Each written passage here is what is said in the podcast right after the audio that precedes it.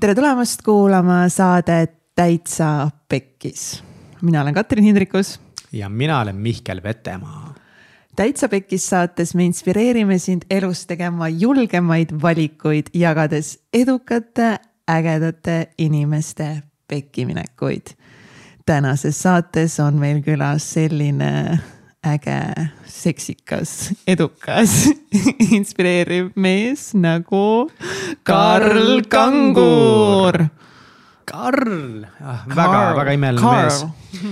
Karl ei ole Eestis võib-olla väga tuntud, küll aga on ta maailmas väga tuntud just turundamise, just täpsemalt seo valdkonnas. nimelt siis on tegemist väga noore mehega, kelle igapäevane töö ei ole mingisugune koolitamine siin või midagi, vaid just oma klientide seo-ga siis oma klientidele paremate tulemuste toomine sellises USA äh, digiagentuuris nimega Smash Digital. aga ta ei ela USA-s, kus ta elab, sellest saad saates teada et ühesõnaga ei ole ilmselt väga palju äh, eestlasi, kelle tagasisidet võib siis leida maailma parima lingianalüüsi tööriista, see nimi ei ütle teile mitte midagi. aga kui sa tahad teada, milline on maailma parim lingi analüüsi tööriist, ma võin sulle öelda, et see on Ahrefs. ma ei oska seda paremini öelda, see on Ahrefs, see on maailma parim. ja nemad ütlevad, et Karl Kangur on kõva mees ning nimelt võib ka leida tema artikleid Forbesist ja teistest mainekatest väljaannetest, siis ühesõnaga ta on maailmaklassiga seo spetsialist ja mõned numbrid, mis siis nagu räägivad sellise mehe nagu Karli kasuks, on see, et ta on tegelenud seo-ga siis juba peaaegu viisteist aastat ja ta alustas üldse oma põhimõtteliselt digikarjääri internetis siis kaheteistaastaselt.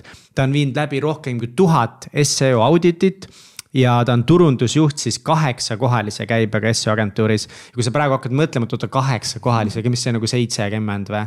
ei ole, see on üle kümne miljoni, on kaheksakohaline ta on toonud sadu miljoneid külastajaid oma klientidele ja enda veebilehtedele ning eh, siis tegutsenud tegelikult üle maailma igal pool, aga kõikidel kõige suurematel turgudel, eks ole, UK, USA, Kanada, Austraalia ja nii edasi. kasvatanud miljoneid eure väärtuses siis endale ja teistele üli,, üli-ülikõva mees.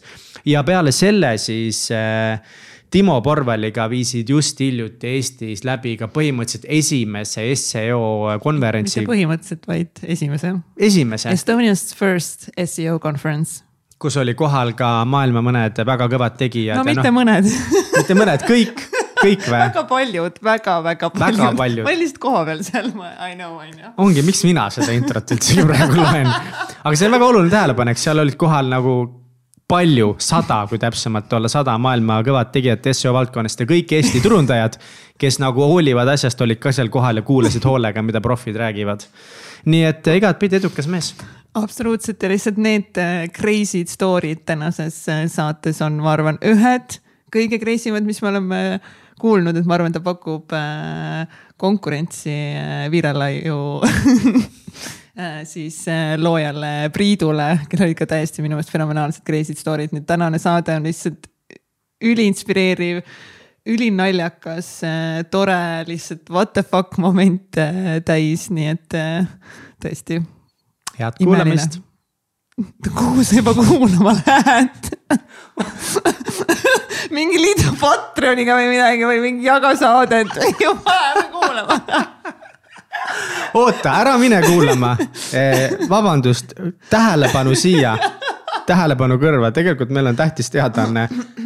palun tule Patreoni, see on väga oluline.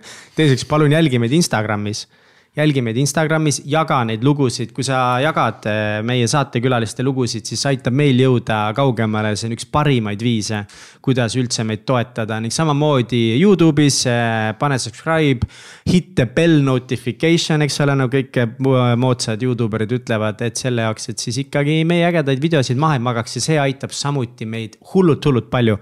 aga mis ikkagi lõpuks kõige rohkem aitab, mida ikkagi inimesed peaks kõige rohkem tegema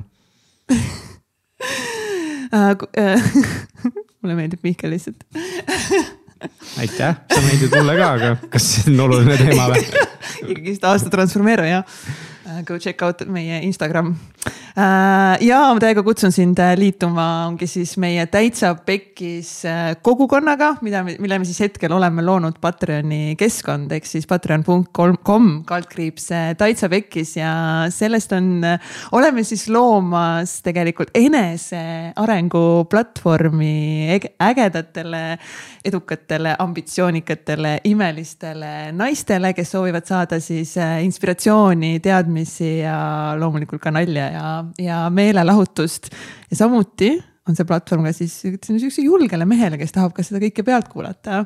et äh, peaaegu siis iganädalaselt paneme sinna erinevaid ägedaid saateid üles minu ja Mihkliga, minu ja Egerti elu pärast lahutust saated äh, on seal ja minu ja Kaido show'd ja sinna on tulemas nagu igast nii ägedat äh, sisu nii et täiega kutsun sind liituma selle.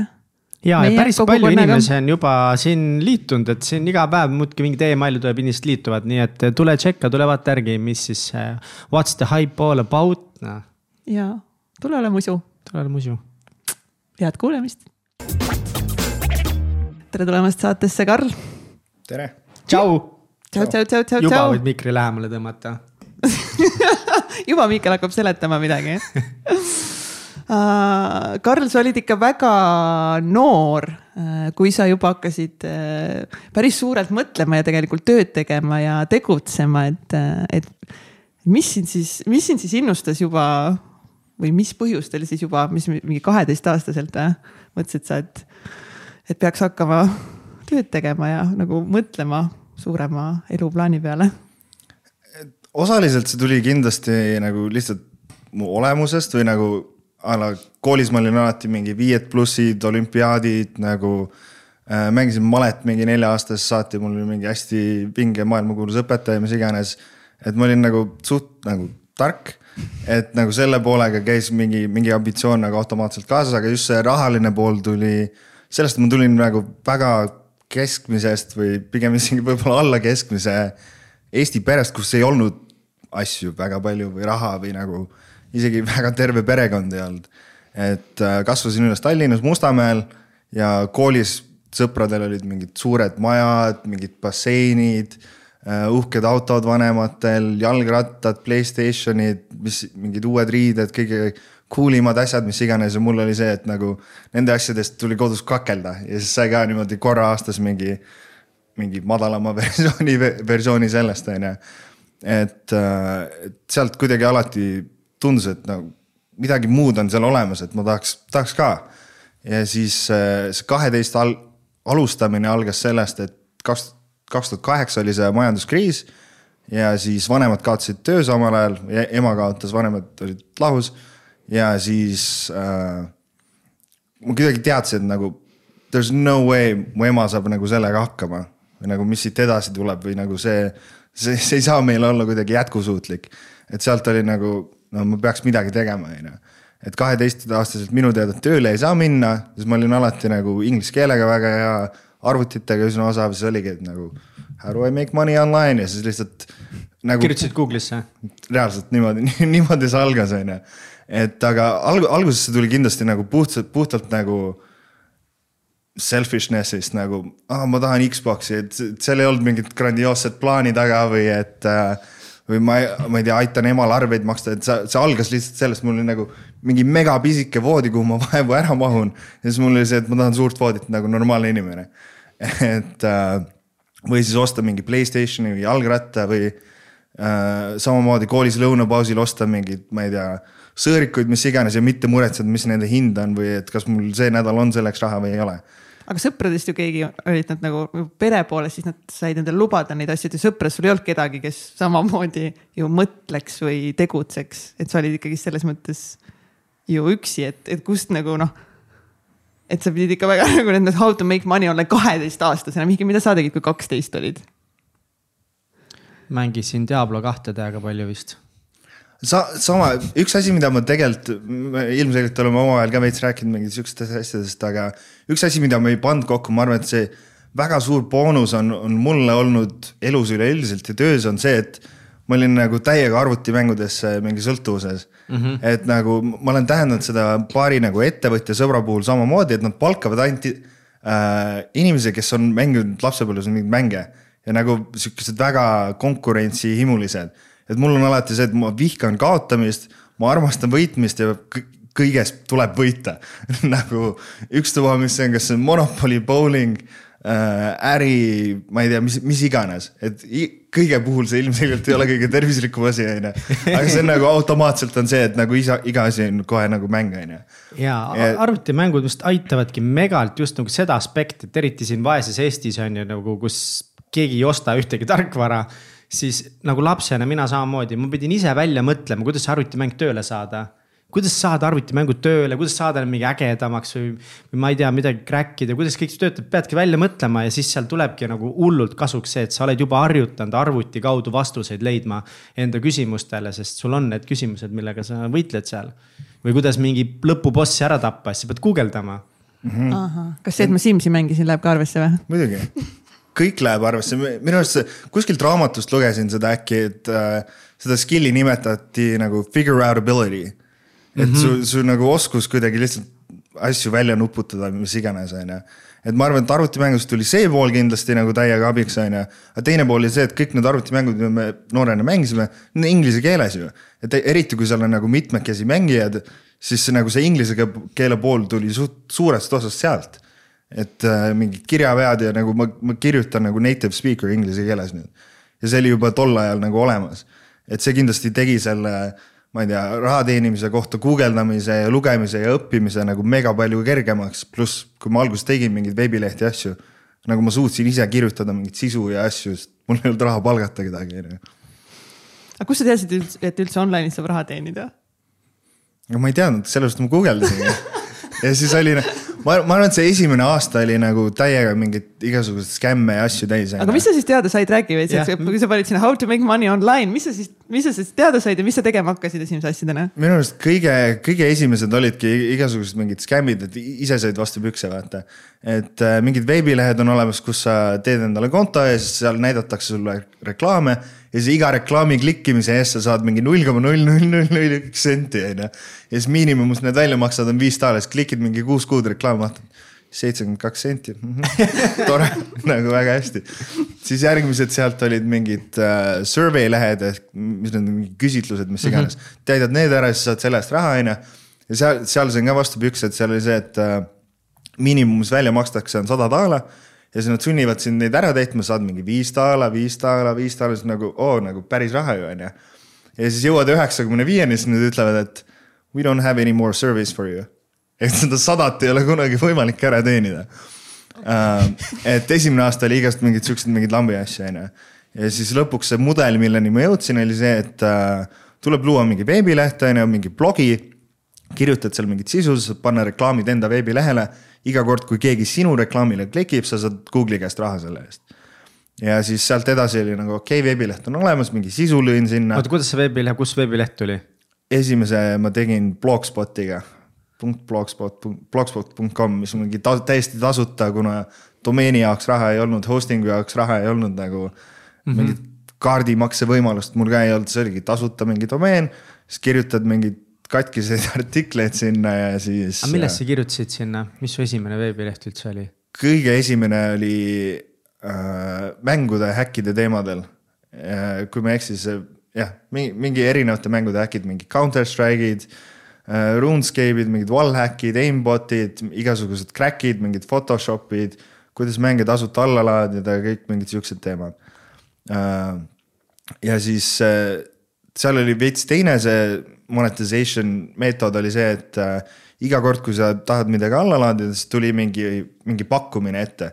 et USA-s oli see pakkumine, et pane oma zip kood või meiliaadress, nemad kasvatavad oma meililisti, maksavad sulle mingi kuuskümmend senti selle eest, et sa neile selle liidi said, on ju. ja Eestis olid siis mingid siuksed pakkumised, et võida tol ajal mingi tasuta iPhone neli ja siis seal pisikeses tekstis oli või noh, pane oma telefoninumber sisse, osale doosimisel ja siis nad täidavad selle muidugi ära, sest nad tahavad seda asja alla laadida. ja seal pisikeses tekstis oli, et, et kui sa numbri sisse paned, siis on seitsekümmend kuus euri kuus või mis iganes, on ju. ja kuni sa kirjutad meile stopp tagasi.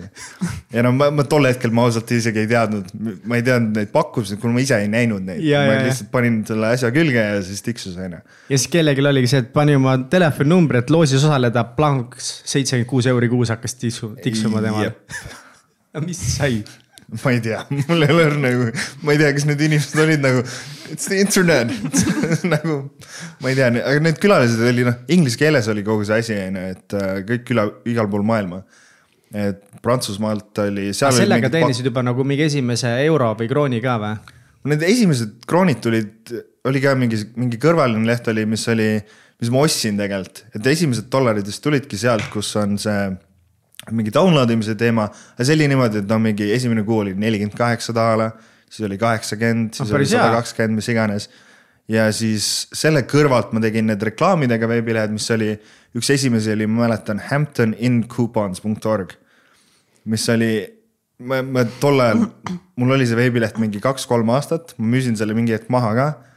mul ei olnud õrna aimugi, mis asi on Hampton Inn või miks keegi neid kuponge tahab, mul veebilehel ühtegi kupongi ei olnud ja siis täna, tänaseks ma muidugi saan aru, mis Hampton Inn on mingi hotellikett USA-s ja siis inimesed otsivad neid kuponge.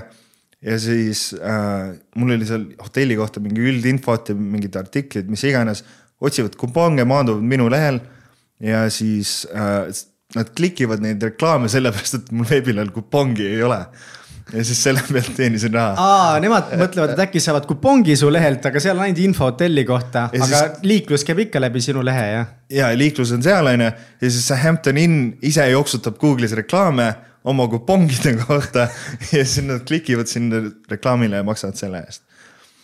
et äh, siuksed, siuksed olid need esimesed lehed.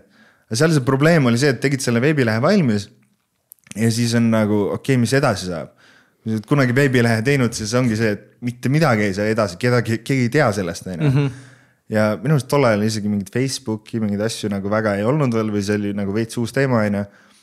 ja isegi siis nagu, kuidas ma seda turundama oleks pidanud või tol ajal ma ei teadnud, mis asi turundus on. ja mis sõnaga, pigem lihtsalt, et okei okay,, mul on inimesi vaja siia. ja, et, et järgmine samm oli see, et how do I get visitors to my website. ja siis oli see, et okei okay,, jooksutad reklaami, okei okay,, how do you get visitors to your website for free sest mul ei olnud raha veel. siis oli, sellega ma leidsin selle, millega ma siis tänapäeval tegelen, on otsingumootorite optimeerimine, seo. ehk siis, kuidas saada Google'is mingi märksõnaga esimeseks, kui sa otsid, ma ei tea, parim restoran Tallinnas või helitehnika rent või mis iganes. siis ma aitan ettevõtetel saada seda esimest positsiooni seal ja mida, mis positsiooni sul siis vaja oli saada või mis, mis otsingule sul oli vaja siis pihta no, saada? kõik, kõik need märksõnad, mis seal veebilehel olid, olingi mingid erinevate mängude mingid häkid, keygen'id, ma ei tea, tõmba midagi tasuta ja kõik siuksed asjad mm. -hmm. ja lihtsalt ise otsisid selle informatsiooni kätte, kuidas see Google töötab, mida sa pead sinna panema, mis siis nagu võiks juhtuda? ja hakkasid testima kuidagi? ja, et tol ajal ei olnud nagu mingeid blogisid väga, blogid ei olnud teema, Youtube'is ei olnud mingeid harivaid videosid, mis iganes et ma alustasin mingist foorumist nimega blackhatworld.com, mis on siis otsingumootorite optimeerimise mingi foorum ja siis seal lihtsalt mingid erinevad teemad, jällegi seal ei olnud mingit õpetust, lihtsalt komme-, tuhandetes kommentaarides mingi väike tükike infot ja siis sa kuidagi paned seda puslet kokku ja lihtsalt tol ajal me õppisimegi nii, et lihtsalt teed neid veebilehti, teed kakskümmend tükki valmis, öelda, et natuke teistmoodi, vaatad, kas tulemused on paremad või ei ole et tuli see kuidagi kokku kloperdada, aga tol ajal see oli oluliselt lihtsam ka, et Google oli nagu veits rohkem basic. millal sa tegid kõike seda nagu kooliajast, pärast kooli?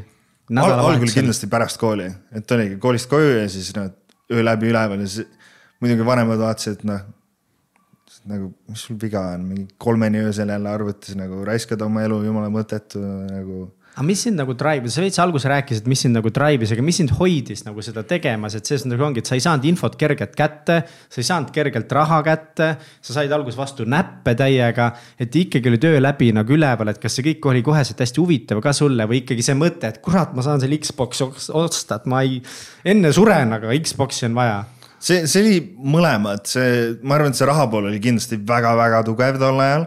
ja teine oligi see, et esiteks see oli täiega huvitav, et nagu, nagu mis siin toimub nagu, kuidas, kuidas ma selle pusle kokku panen, on ju. et see pool on mul ka alati nagu olemas olnud lihtsalt nagu loomu poolest. ma tahan teada, kuidas asjad töötavad, mis iganes. Äh, ja siis üle nagu, ma ei tea, esimese kahe-kolme aasta peale oli lihtsalt see, et mulle täiega meeldis see, kuna see oli jällegi, see oli mäng. ja see on nagu väga mõõdetav mäng, samamoodi nagu ma ei tea, Counter Strike'is pidi olema number üks, on ju, või kõige rohkem mingi inimesi ära tapma, siis seal oli see, et okei okay,, konkurendid, on ju. teised veebilehed on seal ja siis sa, sa kas oled Google'is esimene või sa ei ole. kui sa oled kolmas, miks sa oled kolmas, kuidas ma esimeseks saan sa mõtlesid juba niimoodi seal mingi kolmeteist, kaheteist, kolmeteist, neljateist aastane väike Karl, noh. kuidas ma Google'is number üks olen, kõik sõbrad on praegu niimoodi, tahaks tobi teha teiega. millal suitsetama hakkasid? kaksteist. kaksteist, jah. kõik, kõikide asjade vastus on põhimõtteliselt kaksteist Tobi, Alko veebilehed ja otsingumootorid. põhimõtteliselt kõik, kõikidele vastused sama ja kuidas see läks, sa ütlesid, et kaks-kolm aastat oli mega põnev, kas siis juba hakkas mingi raha tiksuma ka või? millal sa nagu mingit sihukest väikest kõssi hakkasid teenima?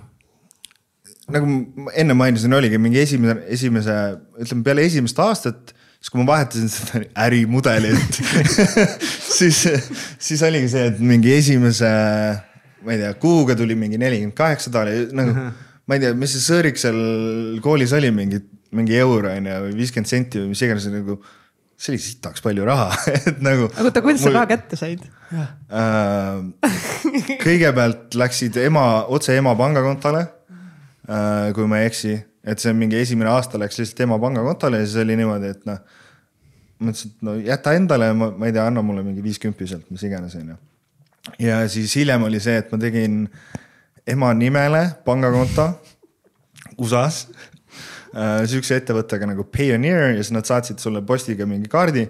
ja ma ausalt öeldes ma ei mäleta, kas ma emalt, emale ütlesin seda või kas ta teadis sellest, kui ei teadnud, sorry et äh, ma ei tea, mingit jama sellest ei ole tänaseni tulnud, ma eeldan, et kõik on okei okay sellega. aga siis oligi, sain selle pangakaardi ja siis oligi see, et lihtsalt kuskil peale kooli pangaautomaati võtad viiekümneste selja ja viskad sahtlisse ja siis niimoodi see läks, kuni ma kaheksateist sain. oh vau wow., mingi vend kogus sulli lihtsalt sahtlisse aga mis sul EMS arvas sellest, kui mingi esimesed viiskümmend, sada, sada viiskümmend, kakssada toltsi või siis euri? eurid olid tol ajal jah? jah, hakkas sulle äh, tulema? ma, ma ausalt ei mäleta väga selgelt seda, et nagu need algusaastad on kuidagi nagu hägusad. ta oli kindlasti alguses oli nagu what the fuck nagu mida sa, mida sa teed üldse? on see nagu legaalne, mis iganes on ju, siis ma, ma ei tea, ma ilmselt seletasin ja näitasin, et noh, sihukesed asjad on nagu ja, ja okei okay. mängi edasi siis mida iganes. aga siis noh, ma arvan, et selleks ajaks, kui ma olin mingi viisteist, kuusteist, seitseteist, selleks ajaks sul roisku follilennuk, raudselt ei olnud kuulda mikritesse. majade kohalt siin. mul on kodus samasugused mingi viis, iga viieteist mindi tagant üle maja ma pole kunagi siin nii kõvasti lennukit mm -hmm. kuulnud. see on jah väga kahtlane praegu oota, aga, aga pigem, mis ma tahaks kuulda, siis kui sa esimest korda said, no ma ei tea, mingi kolm sotti või kolmsada euri võib-olla nagu midagi sihukest, kas see nagu teised vaatasid ka, et mida fuck, et see mingi rahavennaks hakanud kuidas see mõju, kuidas see mõjutas siis nagu sinu seda enesetunnet ja sinu elu ja sinu, ma ei tea, koolis käimist ja kõike, et nüüd sa oled mingi tüüp. neljateist, kolmeteist aastane, kes teenib ise raha. peaaegu ükski neljateist, kolmeteist aastane ei teeni ise raha ma ei tea, ma, ma ei mäleta, kas ma rääkisin sellest üldse nagu väga palju mingi, mingitele nagu lähedastemale sõpradele rääkisin. täna käisin ühega lõunal, siis ta mainis ka, et ma, ma mäletan ja sa noh, tol ajal rääkisid, aga ma ei saanud siis, siis aru, millega sa tegeled, ma ei saanud täna ka aru, millega sa tegeled. et nagu ma ei tea, kõigil teistel oli nagu veits suva sellest, onju. et äh, noh, tatikana vaatad ikka mingi enda asju ja noh, nagu alguses mainisin, nagu kõigil teistel oli raha, onju. või no enamikel vähemalt ja need, kellel ei olnud, ma ei läinud nagu mingi eputama või midagi mm.. aga endal oli kindlasti nagu väga suur muutus, eri, eriti nagu ma ei tea, esimesed mingi paar tonni, mis iganes oligi. mu lapsepõlve magamistuba oli mingi umbes sa, sama suur tuba, kui see stuudio meil siin. ja siis minu arust üks esimesi oste oli see, et nagu pool tuba on nüüd voodi ostsid ise endale voodi wow.? mingi suure voodi ja siis olid järjest, ma ei tea, mingid uued kõlarid mingi suur, mingi boss, guugeldasin e-base'ist boss office chair ja siis tuli mingi neljakümne kilone tool tollis kinni, kuskil mingi hull jama oli sellega. et lihtsalt täitsin oma tuba seal vaikselt ära ja. ma lihtsalt kujutan ette, kui pask voodi sul pidi olema, et nagu kõikidest asjadest, mida neljateistaastane tüüp võib tahta. kõllid, arvuti, parem arvuti, videokaart, ma ei tea topi telefon vend ostis voodi endale. ei, ei selle, selle eest ma saan, saan emale täiega tänulik olla, et see arvuti pool oli nagu hoolitsetud, ma tegelikult ehitasin ise iseendale arvuti ja siis ema nagu, ma ei tea, maksis kõik need asjad kinni, ma arvan, kui ma alustasin mm. -hmm. et see pool oli nagu juba, juba good okay., aga see, ma ei tea, I like sleep tänaseni mul on voodi lemmikkoht, et äh, aga mis su unistus, kui sa mingid, saidki endale esimesed asjad ära ostetud, et kas sul oli siis ka mingi unistus, et mis sa siis selle kõige rahaga nagu tegema hakkad, kui siit asjad hakkavad hästi minema? ja esimene eesmärk oli Mustang. Mustang oli nagu kõige ägedam auto maailmas mul oli mingil hetkel Eesti, Eestis ongi, ma ei tea, mingi kakskümmend Mustangit tol ajal. mul oli mingi viieteistkümnest telefoniga pilt tehtud. et nagu täiega mingi obsessed sellel teemal.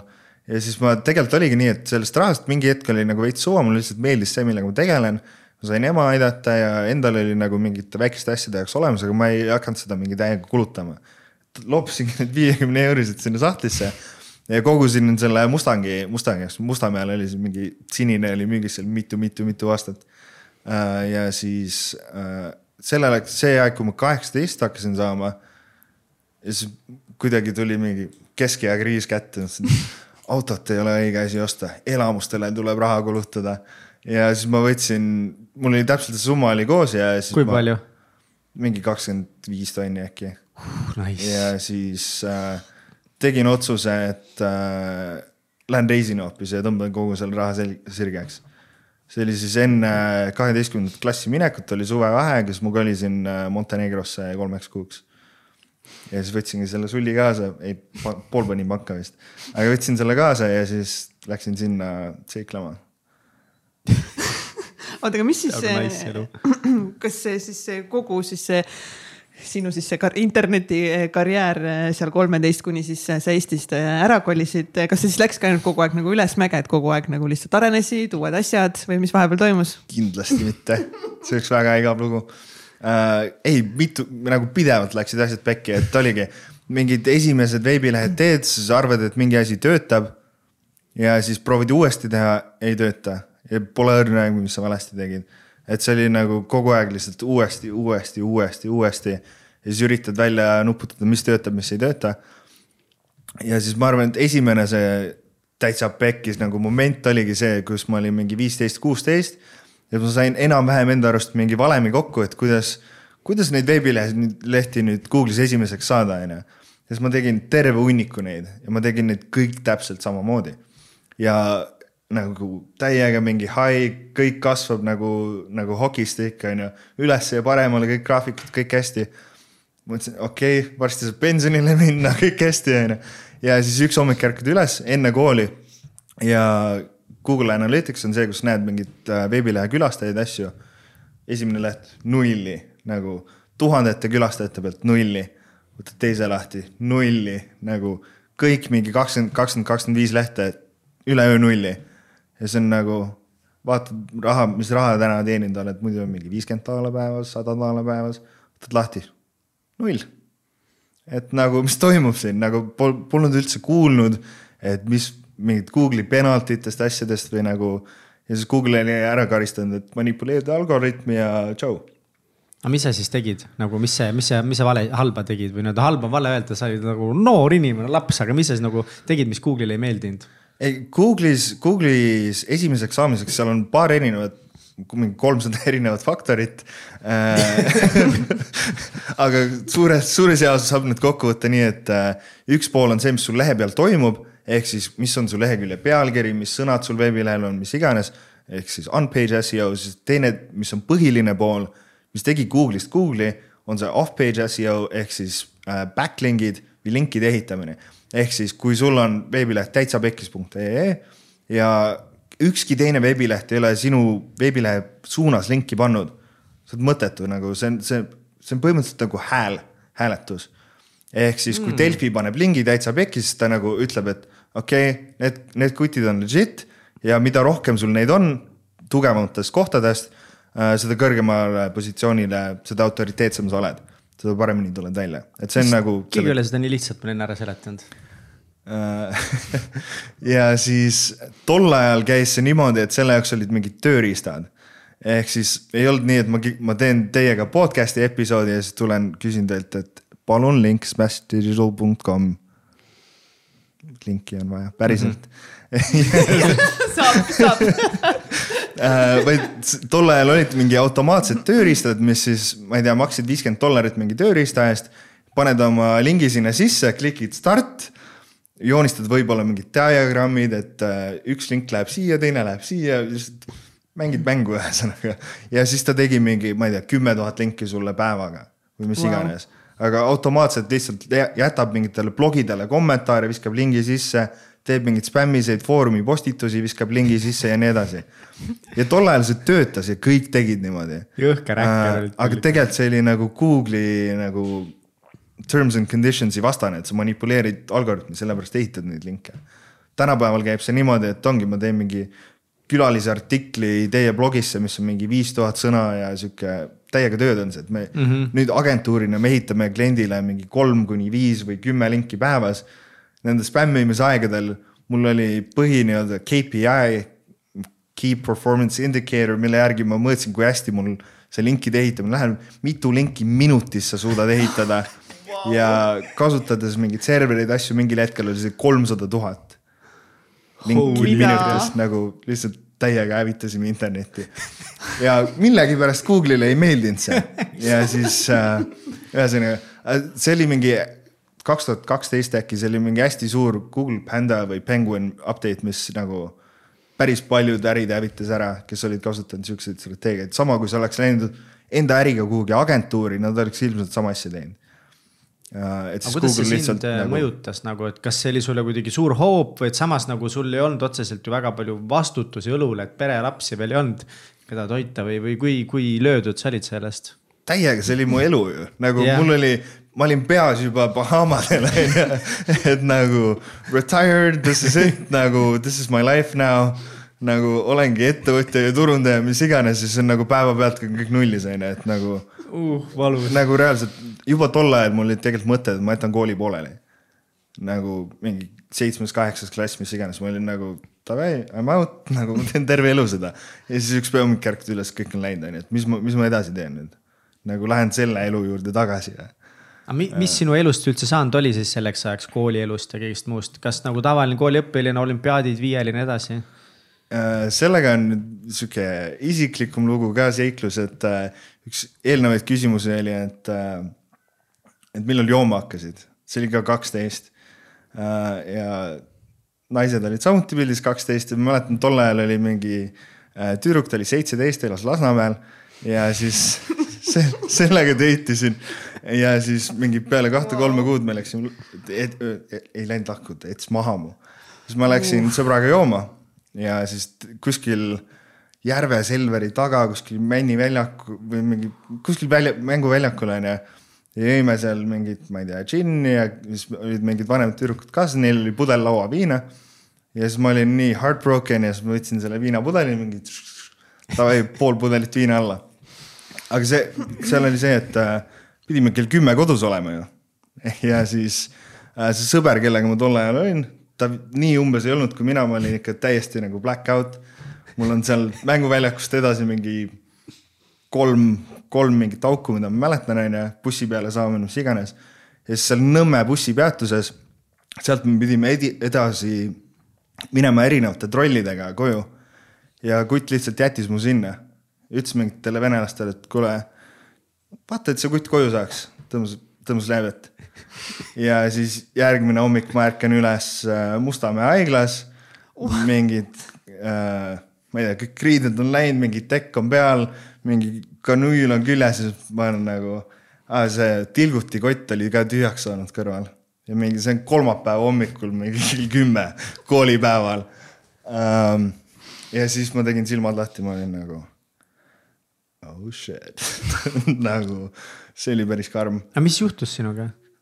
Lihtsalt me jäeti sinna, ma olin umbijoobes, ma ei saanud koju ja siis oligi, ma ei tea, kella neljani hommikul. aa, lihtsalt alkomürgitus oli nii tugev jah ja,? mingi kolm koma midagi promilli. et põhimõtteliselt oleks pidanud ära surema, oleks pidanud ära külmuma, see oli talvel ka veel.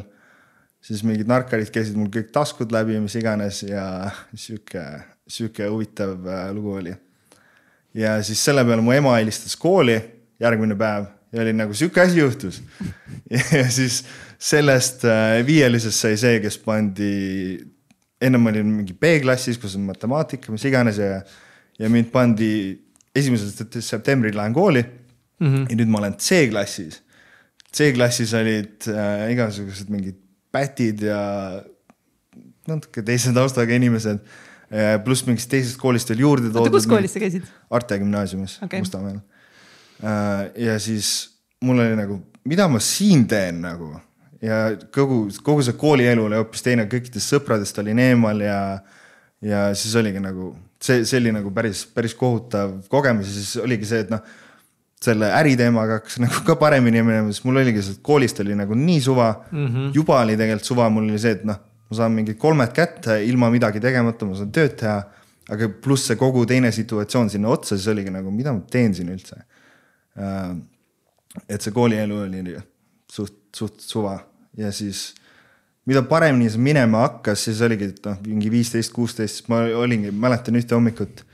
muidu oli see, et ikkagi teeskled, et oled haige, onju et äh, mäletan, panin mingit soodat endale vee sisse, et palavikku tekitada või hoiad vastu radiaatorit või mis iganes. ja siis üks hommik oli nii, et ma, ma, ma ei ole üldse hommikuinimene, nagu tänaseni mul on mingi viiskümmend seitse alarmi äh, iga minuti pealt, et ma saaks mingi kindel kell ülesse. ja siis kooli jäin alati hiljaks ja siis mingi hetk ma olin, hakkasin üles ärkama kell kuus hommikul. selleks, et ma saaksin tööd teha, siis tegin mingi selle äh, mingi liitrise poti kohvi endale kell kuus hommikul Hak. hakkasin tööle ja siis mingi ema tuleb kell, kell seitse kolmkümmend, kooli ei lähe täna või? ütlesin ei lähe. teen tööd edasi. Kuule, kas sa võiksid vähemalt teeselda, et sa haige oled ma ütlesin ei, pane päevikusse kirja, mul on, mul on täna püsipäev. et et äh, jah, et, et mingi hetk oligi, siis lihtsalt hakkasin mingit lambist päeva vabaks võtma ja oli nagu fookus sellel tööasjal milline su ema on või oli tol ajal ja kuidas te nagu läbi saite üldse üldiselt äh,? ema on mul nagu ema Theresa, et ta on tulnud suht raskest perekonnast ja ta hoolib kõigist nagu oluliselt rohkem kui endast, ta on nagu mega-mega hea inimene. et selle poolest ta on nagu täiega tänulik talle, et nagu mul ei olnud kunagi millestki otseselt nagu puudust või mingit süüa ei ole, et nagu selle, kõik oli okei okay,, aga kõik nagu ei olnud see, mis ma tahtsin, on ju, või mida ma ette kujutasin, või see, mis teistel oli mm. -hmm. aga lapsepõlvest tuleb mingid story'd meelde, kus oli äh,. ma eeldan, et ma panin aastaid hiljem selle loo kokku, aga üks mu lemmiktoite oli äh, tipp-täpi sai ja ma arvan, et ema oli lihtsalt nii äge turundaja, et või müügimees, et ta selle maha müüs mulle. see oli põhimõtteliselt saiaviil ja siis sa panid sinna mingid majoneesitäpid ja ketšupi täpid ja see oli nagu, see oli mu lemmiksöök, siis ma olin nagu ja mulle täiega meeldis see ka, aga ma arvan, et see oligi pigem sellest, et nagu külmkapis midagi muud ei olnud, vaata. et sai see kokku nagu ära leiutatud mm. -hmm. aga tol ajal emal oli ka nagu raske, et nagu ma ei mäleta, et me nagu väga palju koos oleks olnud või mingid nagu, et seal oleks palju midagi üldse olnud, tal olid mingid enda probleemid, kogu see lahkumineku teema, enda mingid stressid äh, see masust mingi tööst ilmajäämine, siis järgmine töö oli mingi mitte ideaalne ja nii edasi. et äh, ta tegi oma asju, ma tegin oma asju ja meil oli sihuke kuidagi samal tasemel kuidagi see suhtlus või. Aga kas tal oli pigem hea meel, et sa leidsid nagu midagi enda jaoks, et nagu kui enne hommikuti poiss kooli ei jõudnud, siis nüüd ta on kell seitse üleval ja nagu teeb midagi, millel on mingi märgatav tulemus? ma ei tea, ma arvan, et ma olin alati suht nagu põikpäine ja et nagu mul ei saanud öelda midagi nagu, et jah, las ta teeb oma asja ja mis iganes, et, et emal oli alati nagu mingi usk, usk minusse, et nagu saab hakkama ja kõik on hästi, et ta, et ta on tark ja mu, kuigi ma ei usu sellesse või ma sellest aru ei saa, siis on see, et ma usun temasse, et ta, et ta teeb õiget asja või siin on mingi, mingi mõte taga, et ta päris niisama luuser ei ole, onju mis, eh, mis siis juhtus, kui sa seitsmeteistaastane olid? see, see on hea näide sellest, äh, sellest nagu suhtest, mis, mis meil emaga oli, oligi, et sama, kui ma olin mingi kaksteist, kolmteist, äh, see uudishimu poole onju. et ma leidsin, tol ajal mängisin mingeid arvutimänge ka ikka. ja siis ma leidsin siukse koha nimega hackforums.net, ilmselt tänaseni olemas. ja see on siis häkkimise foorum, kus on kakssada tuhat aktiivset kasutajat wow.. ja mis on nagu tänaseni minu jaoks mindblowing, et sihuke info on üldse avalik, aga noh, kasvad üles nagu häkkimine nagu veits cool ka onju, mulle meeldis cool'i asju, cool'i asju teha. Ja mingit filmidest vaatad häkkerid nagu mingi power, sihuke äge asi onju. ja siis see uudishimu pool, ma olen nagu what is this, hakkad lugema vaikselt. pluss samal ajal tegin netis tööd, mingi veebilehe häkkimine ka huvitav kättemaksu kellelegi, ma ei tea, mis iganes, tuleb kasuks, kasulik skill on ju. et kuidas viirused töötavad, siis hakkasin õppima seda asja. ja ma arvan, et ma tegelesin sellega kokku mingi kuu aega. siis oligi, üritasin mingeid veebilehti häkkida, ei tulnud välja. selle jaoks ei olnud piisavalt tark koodi, ei osanud. Ja siis leidsin mingi tööriista, mis põhimõtteliselt tekitas viiruseid. ja see viirused, nagu ilmselt teate, on see, et kui laed midagi alla, siis keegi saab su arvuti üle võtta ehk siis kõik paroolid, mis sul on ära salvestatud, need on nähtaval, keegi saab sind kaamerast vaadata, krediitkaardid võtta, su arvutiga Bitcoini mainida, nagu mida iganes teha sellega. Äh, või su failid ära kustutada ja sellest raha nõuda ja nii edasi. ja siis mõtlesin, oh, päris huvitav äh, tundub päris hea oskus. aga need küsimused nagu järjest tekkisid juurde, et nagu mis mõttes meil on viirusetõrje, kuidas ku, nagu, kuidas see võimalik on, kuidas viirusetõrje seda, siis õpid selle kohta aa, niimoodi ja niimoodi saab selle viiruse tõrjete eest ära peita ja nii edasi. et kogu aeg tekkis mingi küsimusi juurde ja siis, ja siis lõpuks asi hakkas levima ja siis kuna tol ajal äh, mul olid need veebilehed, kus inimesed tõmbasid asju alla, siis ma olin nagu wait, üks pluss üks võrdub kolm siis ma panin need kaks asja kokku.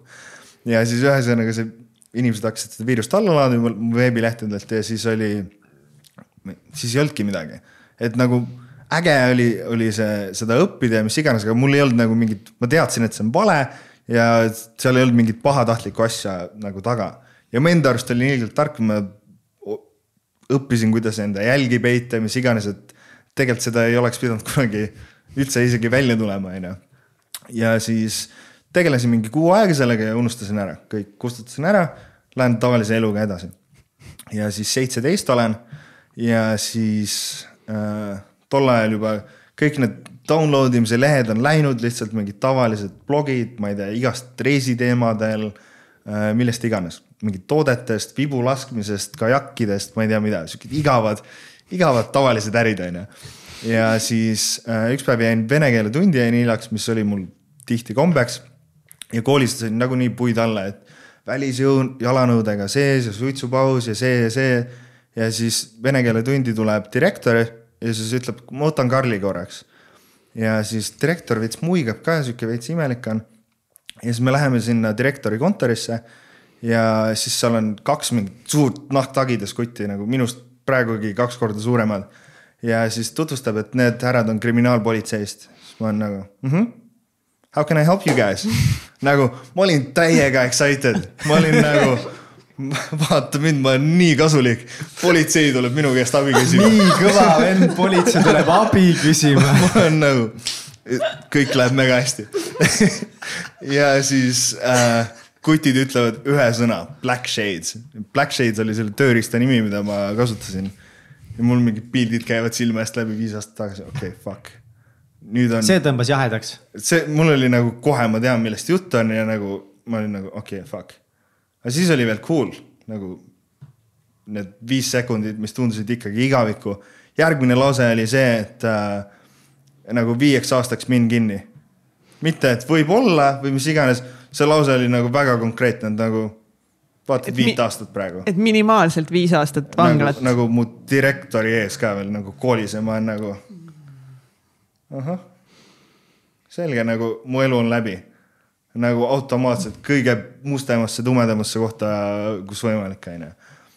ja eriti sitt oli see, et nagu minu jaoks oli see kõik minevik, vaata, või isegi need, need veebilehed, mis ei olnud nagu seadusevastased või mis iganes, aga need olid ikkagi siuksed nagu ah, promod mingeid torrenteid ja crack'e ja mis iganes, et nagu kõik see oli nagu nii kaugel minust ja ma mõtlesin, okei okay,, nüüd teen kõike õigesti ja päris ärid ja nüüd on okei okay,, nüüd lähed ikkagi kinni et nagu ja siis Äh, siis oli aeg minna kriminaalpolitsei kontorisse. mis vist kuskil Koplis ja siis koolist välja minnes need kutid küsisid ka, et äh, kas käeraudu on ka vaja, ma ütlesin, mida sulle tundub nagu, nagu mis küsimus see on aga eh, sa siis tegid ka trenni niimoodi või, või olid sihuke põkk? Äh? tegin, aga oluliselt pisem olin ikka. okei okay,, ei olnud sihuke põkk nagu praegu, davai, okei okay,, nii jätka. Äh, ja siis läheme sinna, muidugi panid mind tagaistmele keskele, siis ma olin mingi niimoodi seal ristis selle mingi kahe kuti vahel. jõuame sinna ja siis seal olid nagu, nagu filmides näed siuksed nagu mingid veits kahtlased politsei taktikad, et noh, nad teadsid kõike nagu, mis kell sa ärkad, mida sa peale päeva teed nagu sihuke väga-väga creepy oli see, et lihtsalt lugesid sulle su elulugu ette. kuidas täpselt nagu, mis sa istusid või seal autos või kuidas see? see, oli seal kontoris juba, et. Läksite kontorisse, sa olid mingi ülekuulamise ruumis või? jaa, midagi sihukest. nii, aga mis ta ütles sulle siis? päris ülekuulamisruum ei olnud, aga mingi sihuke, mingi suur, suur tuba ühesõnaga mm. -hmm. Ja nad ei tohtinud sellest asjast veel rääkida, kuna mul ei olnud advokaati. et siis okay. kuniks riigile määrat-, riigi poolt määratud advokaat sinna jõuab, siis nad asjast ei tohtinud rääkida, siis nad lihtsalt panid mulle puid alla, et me teame sinust kõike põhimõtteliselt. mida nad siis teadsid, mis nad ütlesid?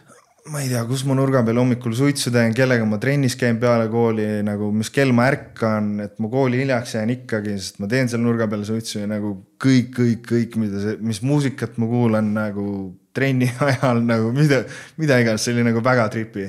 ja siis mul oli nagu, filmides näinud seda ei tööta minu peale, siis ma ütlesin, kutid kas ma tohin palun oma sööki süüa, siis ma võtsin kotist mingi kohupiima välja ja siis läksin kuhugi toanurka ja sõin mega aeglaselt seda. lihtsalt, et ma ei, ma ei tahtnud seda möla kuulata enam. aga oli see hirmutav samas mingis osas? muidugi oli, täiega. teadsid kõiki nagu, haigeid asju sinust lihtsalt. ja see oli nagu ma, ma saan aru, miks nad teevad seda. no nad siis ühesõnaga noh, sinu silmis, nende silmis ikka neil oli väga kindel olla, millega sa tegeled, potentsiaalne ohtlik kurjategija ja siis nad olidki lihtsalt jälginud sind põhimõtteliselt, ma saan aru. ja et see, et see, et see oli tegelikult äh, FBI operatsioon nimega Ghost Click, kui seda guugeldad, see on FBI lehel olemas. seal on kirjas, et see oli üheksakümmend üks inimest kuueteistkümnes riigis eestlasi oli seal kuus tükki. okei okay,, oota, aga nii davai, sa olid seal ja siis äh, sõid oma kuradi kohupiima lihtsalt, kuni siis sinu advokaat tuli või? ja siis mingi hetk tuli see advokaat ja siis ta tuli juurde ja ütles, et äh, järgmine kord ole ettevaatlikum. ma olen nagu, mis järgmine kord, sa isegi ei tea, et ma midagi teinud oleks veel nagu. see läks ka kuidagi täiega südamesse, ma olin nagu täiega mingi victim'i rollis enda, enda arust seal. ja siis ma ei mäleta, kas ma üldse talle nagu sain seletada midagi või ta oli lihtsalt minuga toas kaasas põhimõtteliselt. ja siis sealt edasi tulid lõpuks need küsimused, see oligi mingi, ma ei tea, mitu tundi see kestis. siis tuli järjest hunnikus küsimusi seal, et äh, ma ei tea, kas sa blablabla bla, bla, kasutaja nime tead, kas sa seda kasutaja nime tead, ma ütlesin nagu ei, ei, ei, ei, ei. kas sa see, siia organisatsiooni kuulud? ei. kas sa kellegi pangakaarti oled kasutanud, ei, kas kellegi kontos oled lugenud, ei. nagu järjest mingid hullud süüdistused. ei, ei, ei, ei, ei. ja siis mingi hetk oli mingi paber mulle ette laotud, kus oli äh, kuusteist tuhat inimest, kelle asjadele mul nii-öelda ligipääs olevat olnud. et see viirus levib kuueteist tuhat, kuuteist tuhandesse arvutisse. jah, et, et ma arvan, et kui mina seal nagu selle selle eksperimendi lõpetasin, siis seal võis olla mingi viiskümmend või sada või mis iganes, aga sinna sisse ehitatud see, et ta levib tegelikult edasi. et ma ei tea, kui kaua ta sealt edasi levis, aga ilmselt oli, oli veits levinud. ja siis jah, need küsimused läksid seal lõpuni siis oli, et davai, nüüd lähme koju. mitte nagu koju-koju, aga me läheme sinu koju nüüd kõik koos et võtame su arvutid ära ja siis me oleme juba poolel teel, topivad mingisse bussi mind, olen jälle kuskil taga kahe, kahe suure kuti vahel ja neid busse ma alguses ei saanud aru, kuni me kohale jõudsime, neid oli mingi kaks-kolm tükki, pluss mingi tavaauto ka veel juures. ja siis poole tee peal on nagu, sa pead emale ka helistama, et see on tema korter ja tema arvutis, ma ütlesin, arvutid on minu omad. okei okay,, tema korter on ikka, ta peab koju tulema. ja siis. aga ema ei tea veel üldse midagi või? ema ei tea mitte midagi veel ja see on mingi, ma ei tea, viis tundi kestnud juba onju. ja siis helistan emale keset päeva ja siis on, et äh, äh, tšau ema, ma tean, et sa oled tööl, aga palun tule koju. kriminaalpolitsei tahab kõik meie arvutid ära võtta ja kuna see on sinu kodu, siis sa pead kodus olema. ema on nagu, mida, kas sa oled lolliks läinud? ei, ema, ma ei ole lolliks läinud, palun tule koju. aga mulle meeldib nalju teha, mis iganes, siis noh, väiksena lasid alt kella, siis on ikka see, et oh, tere, politsei siin, kas Karl Kangur elab siin? nagu mingid siuksed asjad onju, noh, ema muidugi läks kohe koju onju, aga siis ta jõudis enne meid sinna ja siis mõtleski, et mingi loll nali onju, siis teeb selle ukse lahti ja hakkab kolmanda korruse trepist alla minema ja siis tuleb ja tuleb ja tuleb ja tuleb mingi prokurör ja politsei ja need nahkkutt, nahktagides vennad ja mis iganes onju. et ikka rahvast oli korralikult? see oli korralikult ja siis tulevad sinna tuppa sisse ma ei mäleta, kas nad üldse midagi seletasid või noh, mingit detailidesse väga ei läinud, ma, ma ise ka, ma nagu, ma ei kuulnud mitte midagi, ma olin lihtsalt nagu šokis onju. Äh, ja ema nägu vaadates oli nagu valus, nagu väga valus. see haiglavärk oli valus, aga see oli mingi kümme korda hullem onju. Äh, ja siis mingid, tegid need arvutid lahti, võtsid sealt mingid kõvakettade asjad välja, kirjutavad mingeid seriaalnumbreid ülesse panevad dokumentidesse, ema allkirjastab, seletavad mingeid asju, õigusi, värki. Äh, siis lõpuks topivad nagu CSI-s mustad prügikotid, arvuti sinna sisse, kollane teip ümber, asitõendid. Äh, ma olin tegelikult just uue läpakaga ostnud, mis oli seal laua peal, siis see jäeti alles, siis ma lõpus olin nagu sihuke naiivne, ma olin nagu, selle võin endale jätta või, sest ei, see tuleb ka jäin sellest ka veel ilma ja, ja see suitsetamise teema hakkas ka mingi kaksteist ennast, lõpuks mendid lähevad ära. meil oli emaga diil, et ema tegi ka suitsu, siis ma olin nagu, jäta maha, jäta ise maha, okei okay,, jätame mõlemad siis maha, onju. ja meil oli mingi kaks-kolm kuud juba see kokkulepe olnud. ja mõlemad arvasid, et teine ei tee. ja siis see hetk oligi, uks läheb kinni, ema läheb enda käekotti, ma läksin kuhugi enda tuppa, otsisin ka suitsupaki välja ja siis põhimõtteliselt saime nagu rõdul kokku mõlemal suits sees, mingi pool suitsu tehtud, mendid on endiselt alles, siis on nagu, vaatab mulle otsa, et keerasid väga pekki midagi või? ütlesin mm,, ma ei usu. selge, ma lähen nüüd tööle tagasi et äh,, et selles hetkes tal, ma ei tea, tal ilmselt oli ka šokk, aga mingi usk seal ikkagi oli, et nagu täiesti pekkis võib-olla ei ole. et see on mingi arusaamatus või mis iganes. Et... ma isegi ei tea, mis tal, tal tol hetkel peast läbi käis, onju. aga jah, siis õhtul ilmselgelt seletasin põhjalikumalt ja, aga siis oligi, see oli mingi viis kuud äkki enne, kui ma kaheksateist sain ja siis tol ajal mul oli juba plaan, et ma kolin suveks Montenegrosse. ja siis piletid olid ostetud ja viisad tehtud ja mis iganes. ja see neli kuud venis nagu elu eest ja seal vahel olid nagu mingid elu lõpuni mingit paranoiat ja, ja, ja. paranoiat milles?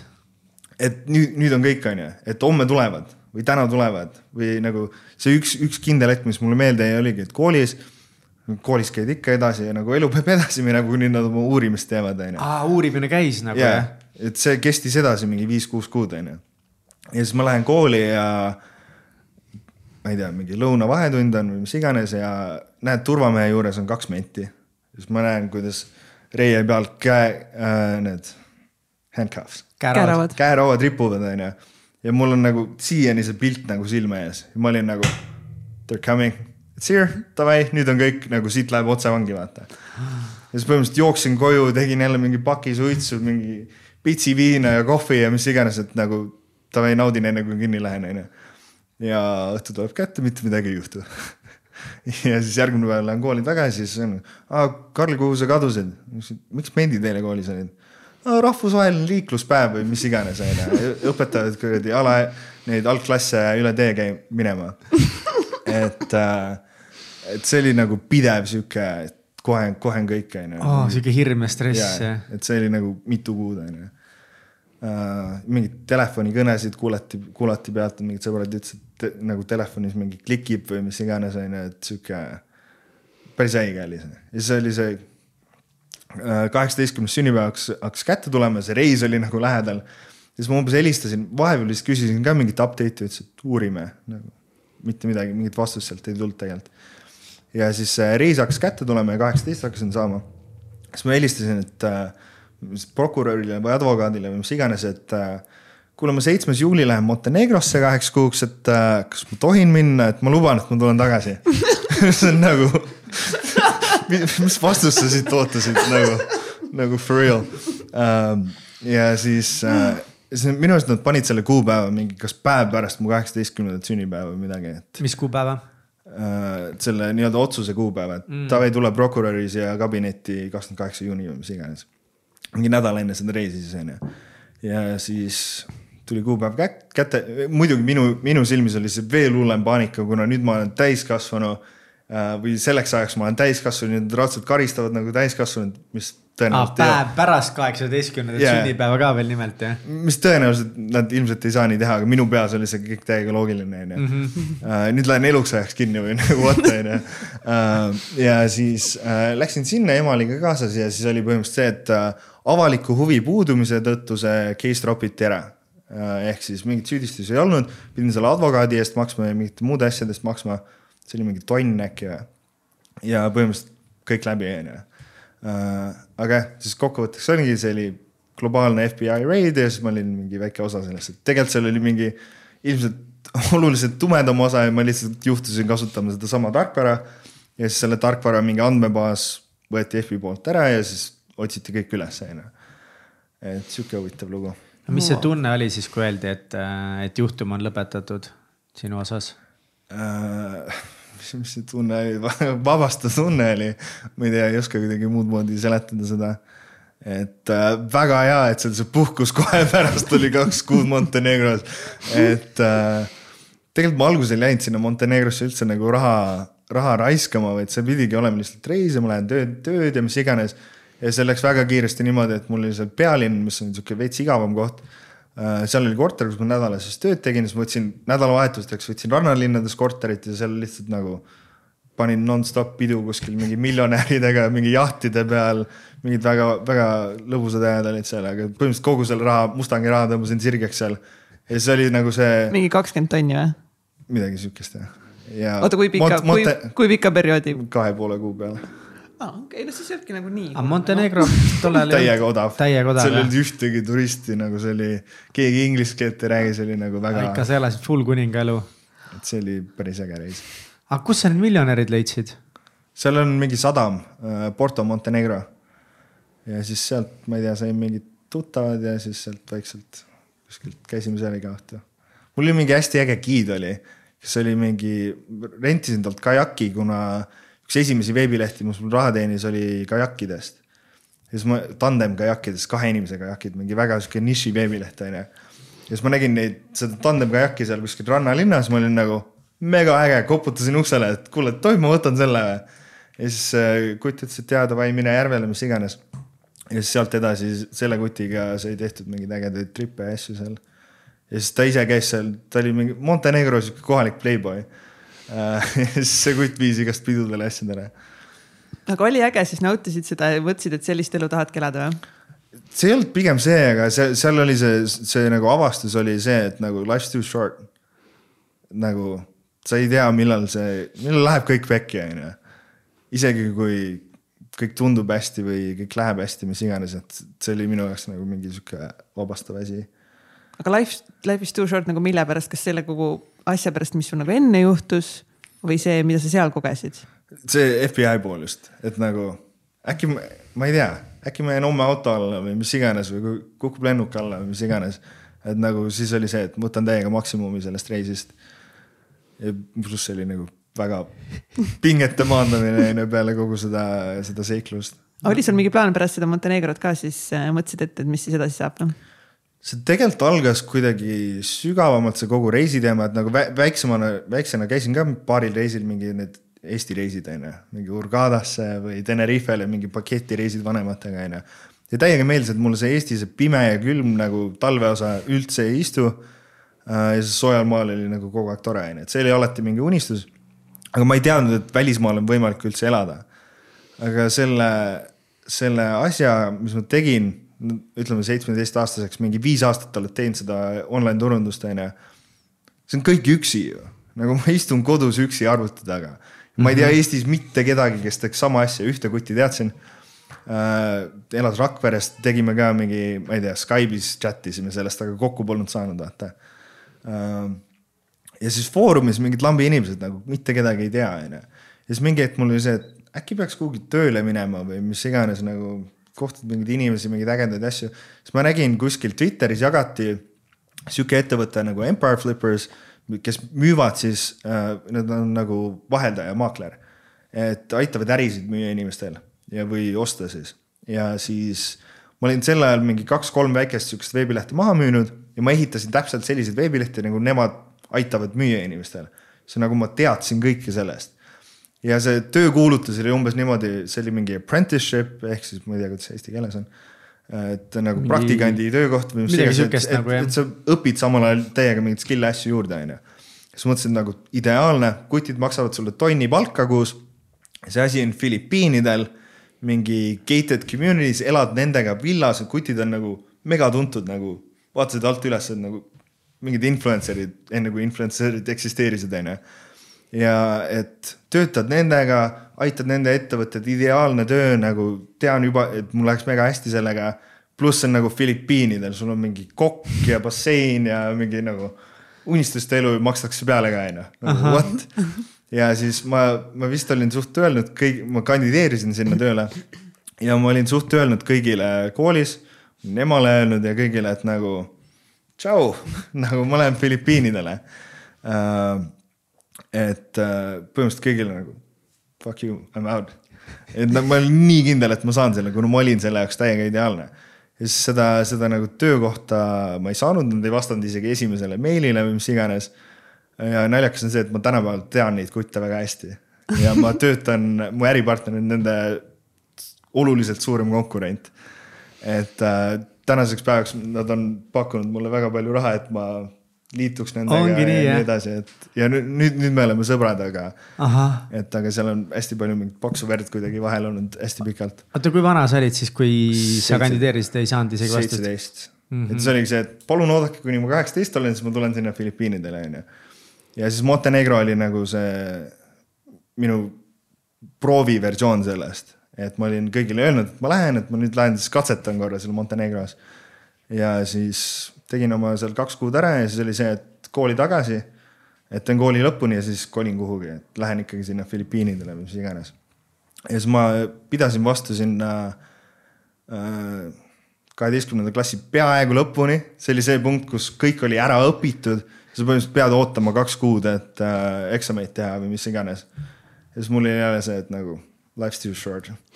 tšau, jätsin kooli pooleli ja siis ma kolisin Vietnamisse. Kaks kuud enne, enne lõpueksameid. ta kahte kuud enam ei olnud nii kiire mees noh. ja sa, sama, seal teine, teine pool oli see, et nagu mingi sildade põletamine, vaata.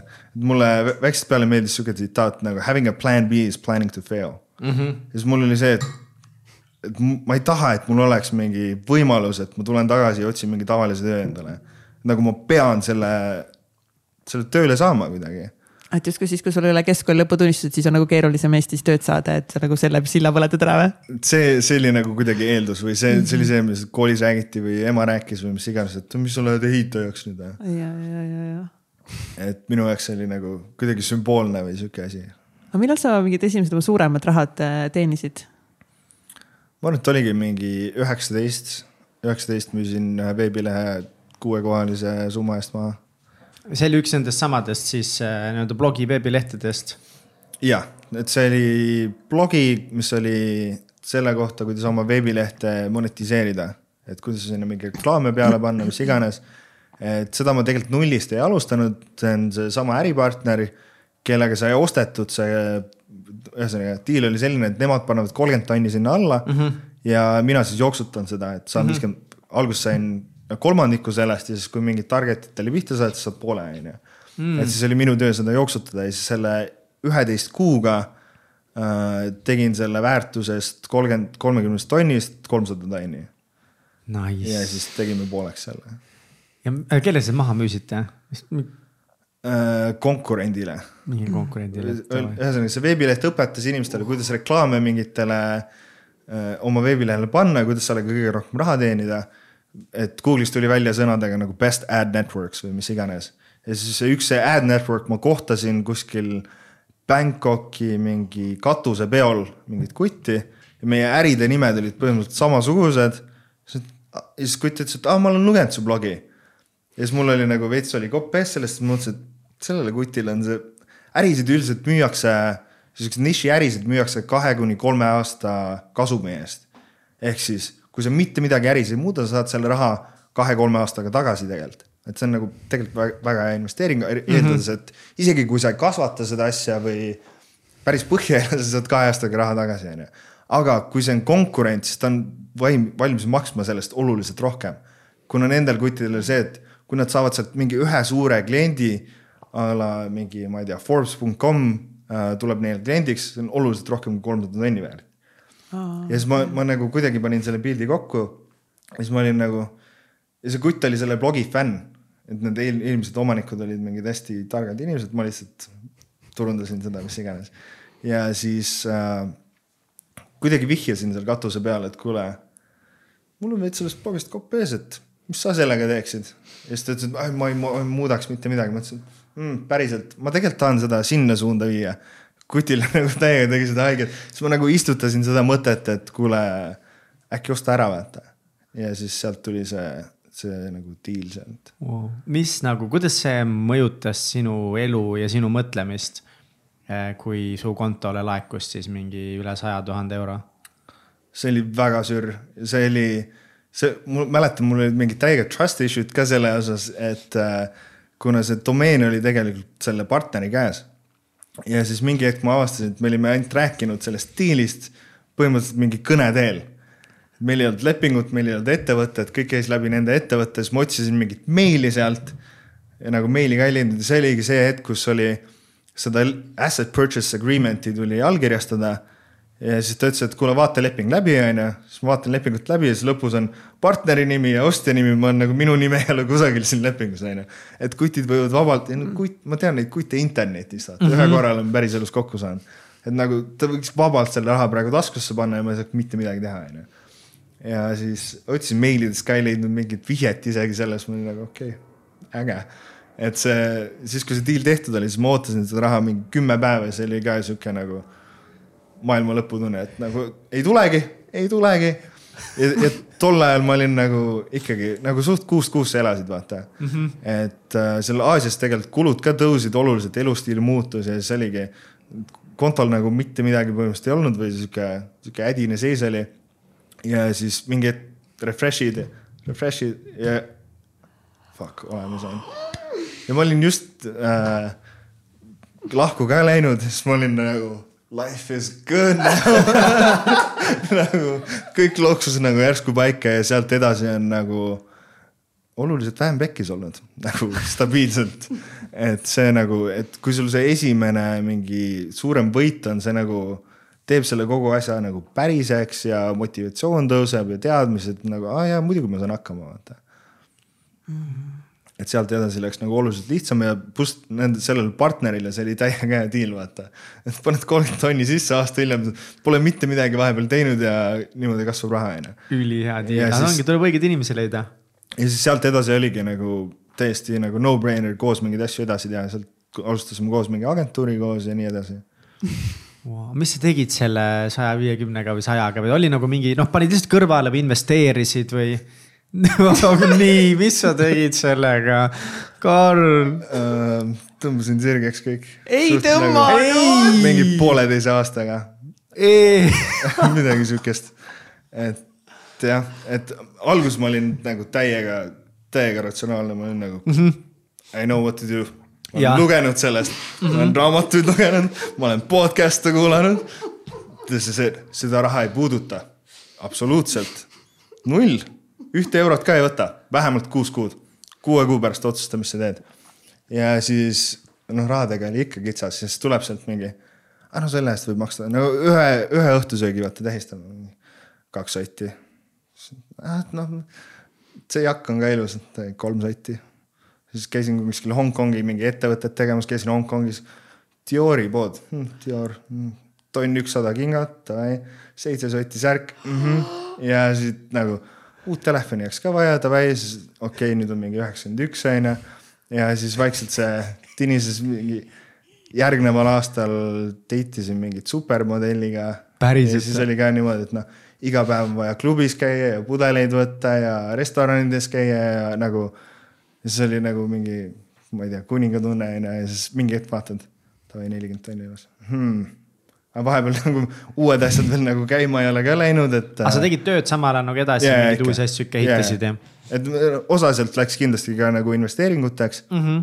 et mingeid uusi lehti üles, üles panna ja, ja nagu kasvatada ja siis, ja siis lõpus oligi mingi kakskümmend tonni oli alles, siis ma olin nagu kui ma midagi selle rahaga praegu kohe ei tee, siis see nagunii kaob lihtsalt mitte kuhugi ära.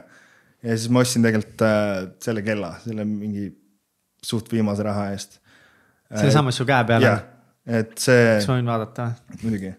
ja see.... palju see väärt on, see ütle ausalt siis äh,? praegu on äkki mingi kakskümmend. ei ole nii või? ma ei ole kunagi elus hoidnud äh, nii kallist kella. ma ostsin tegelikult selle mingi seitsme või kaheksaga, et see on tegelikult hea investeering olnud. see on Rolex, äh, oota siin kirjas on ka täitsa sõbrad, mu silmanägemine on jumala perse läinud, täiesti haige. Oyster per, per, perpetual date või wow,? GMT Master kaks on see. väga uhke värk, okei okay.. mul oligi nagu kellade vastu oli alati huvi, mul oli kunagi mingi kellade e-pood ka Eestis.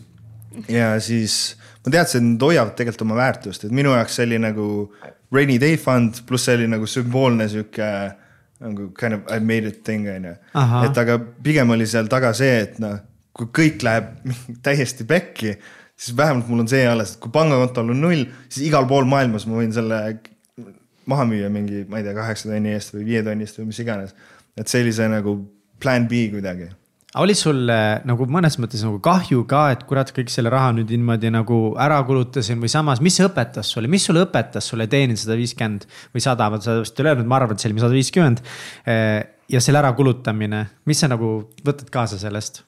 Tagantjärgi ei kahetse mitte midagi, sitaks ägedad kaks aastat olid nagu mm -hmm. neid lugusid ja elamusi, et nagu, nagu täiega worth it ja, ja kindlasti nagu mul on siit täiega hea meel, et ma selle õppetunni nagu varakult kätte sain et ongi see, et nüüd ma nagu oskan rahaga palju paremini ümber käia. ja, ja et see oli sihuke summa, mitte ma ei tea, kümme korda suurem summa on ju. Mhm. et sai, sai see ämber varakult ära kolistatud. aga Vietnamis siis sulle ühesõnaga elu meeldis ja seal oli täiega, äge? täiega, nagu alguses oli täiega õudne, ma mäletan, ma läksin sinna ja see oli ka umbes niimoodi, et no tegelikult ma tahtsin Filipiinidele minna, see kutt, kes selle töökoha sai ja mina ei saanud et selle kuti oli ka mingi blogi, siis ma nagu suhtlesin temaga veits, siis ma olin nagu aasta hiljem, et davai, ma tulen ka siis. ära tule täiega sitt on siin et siis me oleme kuskil pärapõrgus, siin ei ole üldse äge. et sa lähed kas Taisse, Chiang Maisse või siis Vietnamisse, Ho Chi Minh City'sse. siis ma mõtlesin, valisin selle Chiang Mai. tol ajal seal oli mingi põletamishooaeg, mingi õhk on tossu täis, ei kannata elada, siis läksin Vietnamisse. ja ma netist nagu kaudselt teadsin mingit paari inimest seal aga nagu otseselt mingeid sõpru asju seal ei olnud, onju. ja siis ma lihtsalt suht nagu lendasin kohale mingi, ma ei tea, kahe-kolme nädalase etteteatamisega, mitte midagi ette ei uurinud. nagu null research'i, mingit tänavat teadsin, kus kortereid saab rentida, aga nagu ma ei olnud õrna aimugi, mis nagu see, mis seal saama hakkab. ja siis ma mäletan, esimene, mul oli mingi viieks-ööks mingi hotell book itud, et davai, siis lähen käin tänavad läbi ja otsin mingi korteri ja kõik hästi, onju. ja esimene päev, kui ma jõudsin sinna kõigepealt sain taksojuhi käest üle mingi, ma ei tea, maksin viiskümmend daala mingi takso eest. ja siis kutt viis mind sinna kuhugi kesklinna hotelli juurde. see oli ühesuunaline tee, ma ei tea, kas te olete kunagi Vietnami liiklust näinud? no Mihkel on elanud seal veits. see on nagu kõnniteede peal rollerid nagu seitse tuhat autot, kõik pasundavad, mingeid reegleid ei ole, ühesõnaga see taksojuht pani mind. uskumatu, nad suudavad teha nagu kaherealisest teest kahekümnerealise midagi sellist. Noh. ja siis see taksojuht pani mind nagu valele poole teed ja siis andis selle pagasi, tõmbab minema, ma olen nagu wait. How do I get across the street ja siis kutt reaalselt võttis mult käest kinni, viis mind üle tee ja ma olin nagu mida ma teen siin, millegipärast mu tuba upgrade iti, ma sain mingi vippruumi seal mingi katusevaatega, siis ma lihtsalt istusin seal rõdul ja ma olin nagu, mida ma teen siin? nagu what the fuck, kelleks sa pead, nagu miks sa siia tulid? nagu kõik on nii teistsugused, kõik on teistmoodi, keelt ei jaga, sa ei oska üle teegi minna. mis mõttes sa tulid elama siia? ja siis ma, ma reaalselt, ma mingi, ma tegin minibaarist mingi õlle lahti, ma lihtsalt istusin seal, kaks päeva toast väljas ei käinud. Tellisin tuppa süüa, ma olin nagu, fuck, jumala paanika. ja siis sealt vaikselt hakkas nagu, siis kohtasid mõnda inimest, keegi näitab, kus korterit leida, hakkad inimestega tutvuma, siis mingi paari kuu pärast juba sõbrad ja mingi tüdruk ja õpid keelt ja ja siis sealt vaikselt hakkas minema ja siis oli, tegelikult esialgne plaan oli see, et iga kolme kuu tagant uude riiki kolida. ja siis kolme kuu pärast mul olid mingid sõbrad ja asjad olemas ja siis ma olin nagu, miks ma edasi peaksin nagu minema, siin on kõik hästi ju. Nagu ilm on hea, mingi megakorter, head sõbrad nagu täiega asju, mida siin teha, avastada et see nagu eesmärk tegelikult algselt oli see mingi digital nomad lifestyle on ju, et kolid ringi ja teed tööd, on ju. siis mul, ei, aga siin on kõik nagu väga-väga hästi, nagu milleks. kas sõbrad ja naine olid kohalikud või samamoodi mingid välismaalased, kes olid sinna tulnud ja kõik tegelesid nagu samamoodi mingi internetiäridega? sõbrad olid kõik välismaalased, äh, tüdrukud olid kohalikud. Äh, et äh, kõik sõbrad tegelikult tänaseni mul ei ole ühtegi tavainimesest sõpra, tegelikult kõik ettevõtjad ja kõik enamjaolt siuksed, kes oska-, kes saavad elada ükstapuha kus ja teha oma asju edasi. et ma kuidagi leidsin selle kommuuni seal ja sealt nagu kohtad ühte inimest, järgmist, järgmist, järgmist, järgmist ja siis nad tänaseks ongi hästi paljud samad sõbrad, kuigi nad on igal pool mööda maailma laiali igast linnades, ma ei tea, Kolumbias, Brasiilias, Argentiinas, Peruus Euroopas, mõned koduriikides tagasi, mõned endiselt seal ja nii edasi. jaga paar mõtet nagu Vietnami tüdrukutega date imisest. miks need on Vietnami tšikid? mul on mingeid story sid selle kohta uh, ma ei tea, peaks videot näitama äkki, mis see äkki kokku võtab vabalt, me saame, me saame Youtube'i selle video panna. Youtube, no seda kindlasti ei pane. vaatame pärast seda videot, lihtsalt las see Karl räägib. hästi palju huvitavaid kogemusi olnud, et mul oli äh, esimene oli, kellega ma olin kiilatud, kui ma üheksateist olin. sa jõudsid juba Vietnamis kihluda kohe või? ema käis ka Vietnamis kihlumispeol äh,. ostsime vanaemalt koos seaga kinkis, sõbrad tulid ka sinna, kinkisime kuskil maalinnas sean vanaemale, et äh,. Vau, kaua sa teadsid seda tšikki, nagu seda palusid naise käest? viis kuud. no ega ma siin parem ei oleks olnud peaaegu võib-olla okay. oli vähem, võib-olla oli vähem äh,. oota, kas elus või surnud põrsa? surnud. surnud põrsa? lihtsalt viisite nagu? ja seal oli, seal oli mingi sihuke teema, et pead ühesõnaga kodulinna minema, seal on mingi see Vietnami kihlumispidu ja siis oligi, ma pidin viis valget sõpra kaasa võtma ja siis kõik tassisid erinevaid mingeid asju. et ühel olid mingid suured küünlad, teisel oli mingi juurviljakandik, siis kõige suurem kutt Peter, mingi saja kümne kilone kutt tassis mingit tervet siga. ja siis oli mingid hullud mingid rituaalid, asjad, et äh, ma ei tea sama, sama öö me ei tohtinud koos olla, ei tohtinud näha, mis iganes, hommikul peame viis viiskümmend seitse hotellis startima, aga me ei tohi normaalset teed pidi minema peame ida suunas sõitma hakkama. et kõik siuksed äh, voodoo asjad kaasa onju, siis mingit X-teed pidi seikleme sinna vanaema majja talle ja siis on mingid tseremoonia ja mungad ja ma ei tea, mis iganes. ja siis ema käis ka seal selle teise vanaema juures ja nii edasi, et äh, siukse, siuke seiklus. ja siis wow. ma lõpuks mingi hetk panin, tšikk läks natuke crazy'ks ära, ma oleks peaaegu paar korda talt nuga saanud. Et äh, see lõppes väga kiiresti ära või tegelikult väga kiiresti öeldud, me kolisime Taisse ka veel vahepeal. ja siis ma ei tea wow., mingi kaheksa kuud hiljem äkki sai esi läbi, siis ma olin nagu ei. ja siis läksin edasi. miks ta sulle nuga tahtis anda? lihtsalt läks närvi ja hakkas vehkima Esi,. esimene mingi tühja, tühja koha pealt hakkas räuskama ja siis ma ei tea, ma ilmselt räuskasin vastu, mitte midagi nagu füüsilist ilmselgelt. aga lihtsalt mingi hetk võttis noa ja hakkas sellega vehkima ja siis mäletan, ma üritasin teda maha rahustada ta lõpuks pani noa endale kuidagi kätte või lõks käest veits. siis ma mingi neli hommikul tassisin teda kuhugi haiglasse. Äh, ja siis mäletan mingi tutuus korter oli renditud, valged seinad, käejäljed, mingi rendikas seina peal koridoris. Mm -hmm.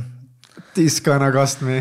et äh, siuksed, siuksed kogemused. aga millised on Vietnami naised nagu üleüldiselt või kas noh, ega ma tean, ühegi kultuuri naisi ei saa nagu ühe puuga lüüa, aga mis olid mingisugused huvitavad erinevused, mida sa märkasid või, või mingid nagu siuksed? ma kuidagi teadsin, et see teema ette tuleb ja ma olen üritanud nagu mõelda selle peale, onju, aga tõsiasi on see, et mul ei ole vaata võrdlust. Kuna ma ei ole Eestis olnud nagu need suhted, mis mul Eestis väiksena olid, need ei võrdle sellega, mis mul välismaal on olnud mm. -hmm. et ma ei oska Eesti naiste kohta võib-olla öelda. et äh, aga, Vietnamis kindlasti on see, et nagu see on väga sihuke traditsiooniline kultuur nagu okay.. et naine hoolitseb mehe eest ja mees hoolitseb naise eest nii-öelda finantspoole pealt ja mis iganes. nooremate puhul ei ole nii, aga see on ikkagi nagu keegi ei sunni sulle, et sa maksad kõik kinni, ma ainult raha pärast käin sinuga. Aga see on lihtsalt nagu, saad täiega respekti selle eest. Äh, ja siis on vastu, vastupidi on see, et nagu isegi nagu mingi, mingi eks käis ise tööl, ta oli mega raske töö, et see, mis mina teen, on täiega lebo, vaata mingi kolm tundi päevas, kui tahan, teen mingi enda graafiku, käin vahepeal trennis, käin lõunal nagu teen mis iganes, onju. ja siis ta on mingi kuuest hommikul äh, setib tööks valmis, vastab mingit meile, läheb kontorisse, tuleb seitse tagasi ja siis tal on ikka esimene asi see, et mina saaks enda asjadele võimalikult palju keskenduda. Et mul oleks elu võimalikult lihtne, et ma saaksin enda asju teha. et see on nagu kuidagi väga selge on see, et nagu ma olen siin, et sind võimendada, et sina saaksid enda, endast nagu parim versioon olla. ja see käib nagu mõlemat pidi kuidagi seda mulle nagu Vietnamis mingid tüübid veits nagu rääkisid ka kuidagi sarnaselt, et, et äh, need naised nagu on hästi nagu lojaalsed, hästi ustavad nagu mehele, muidugi sa pead noh, mõnes mõttes vist selle nagu ikka ära teenima, eks ole, on ju aga overall nagu, et kuidagi, et nad nagu jah, et väga ise võtavadki, et nagu noh, et mina tulen nüüd noh, mitte sinu abiliseks, aga kuidagi ütlesid, et ma tulen sind siia, et kuidagi yeah. võimendada sind või yeah.. et kui, kui nad sind usaldavad, siis nad usaldavad sind päriselt ja nad ongi sinu jaoks seal nagu olemas, nagu asi on otsustatud. sellega tulevad igast mingid kadeduse jamad ja mingid siuksed asjad ka kindlasti kaasa. et ma arvan, et see, see üks mingi, see Noah fight põhimõtteliselt tuligi sellest, et ma olin kuttidega liiga kaua väljas või midagi. et mingid siuksed asjad. et nüüd, kui rahul ei ole, siis annavad teada jah. kõik naised annavad teada, nüüd rahul ei ole. Ega minu arust. noaga võib-olla nagu... ei lähe ründama nagu et, no võib-olla et kui nad ikka päris keema lähevad, siis nad lähevad ikka täiega keema, et see on nagu seal kindlasti Anne. teema. et äh, järgmine mingi lugu oli see, kuidas mul mingi kolm, kolm aastat olime koos olnud, äkki siis mingi hetk läksime lahku. täiesti mingi tühise asja pärast, siis kaheks kuuks eraldi, ma läksin kuhugi minema ära ja siis ta, ta jäi mu korterisse elama põhimõtteliselt oli kokku lepitud, me, me oleme nüüd lahku läinud, kaks kuud pole rääkinud, vaata. ja siis ma mingi hetk ütlesin, et davai, ma tulen tagasi, et äh, sul on mingi kaks nädalat aega endale nüüd päriselt nagu place otsida, et ma saan aru, et sa oled otsinud, aga ma tulen tagasi nüüd äh,. ja siis äh, tulin tagasi sinna linna ja mis iganes. kokku polnud saanud temaga ja siis puhtkogemata kohtasin kedagi ja põhimõtteliselt mingi ühel date'il käinud, mitte midagi pole isegi juhtunud, järgmine päev juhtus olema Vietnami naistepäev ja siis viisin selle uue tibi teisele date'ile kuskile baari, mis iganes, onju. ja siis baari ees, mõlemad on seal. ja siis ma olen nagu uh, mi, mi, mi, mi, mingi tutvustan neid, ma olen nagu okei okay,, päris hästi läks praegu, siis tahtis rääkida, ma ütlesin nagu kuule, praegu ei ole väga aeg, hea aeg rääkida, et kindlasti võime rääkida, ma võin homme läbi tulla, mis iganes räägime, onju ja siis ühesõnaga ta üritas mulle helistada, ma, ma olin date'il naistepäeval nagu ja meil oli nagu mitu kuud asjad läbi olnud.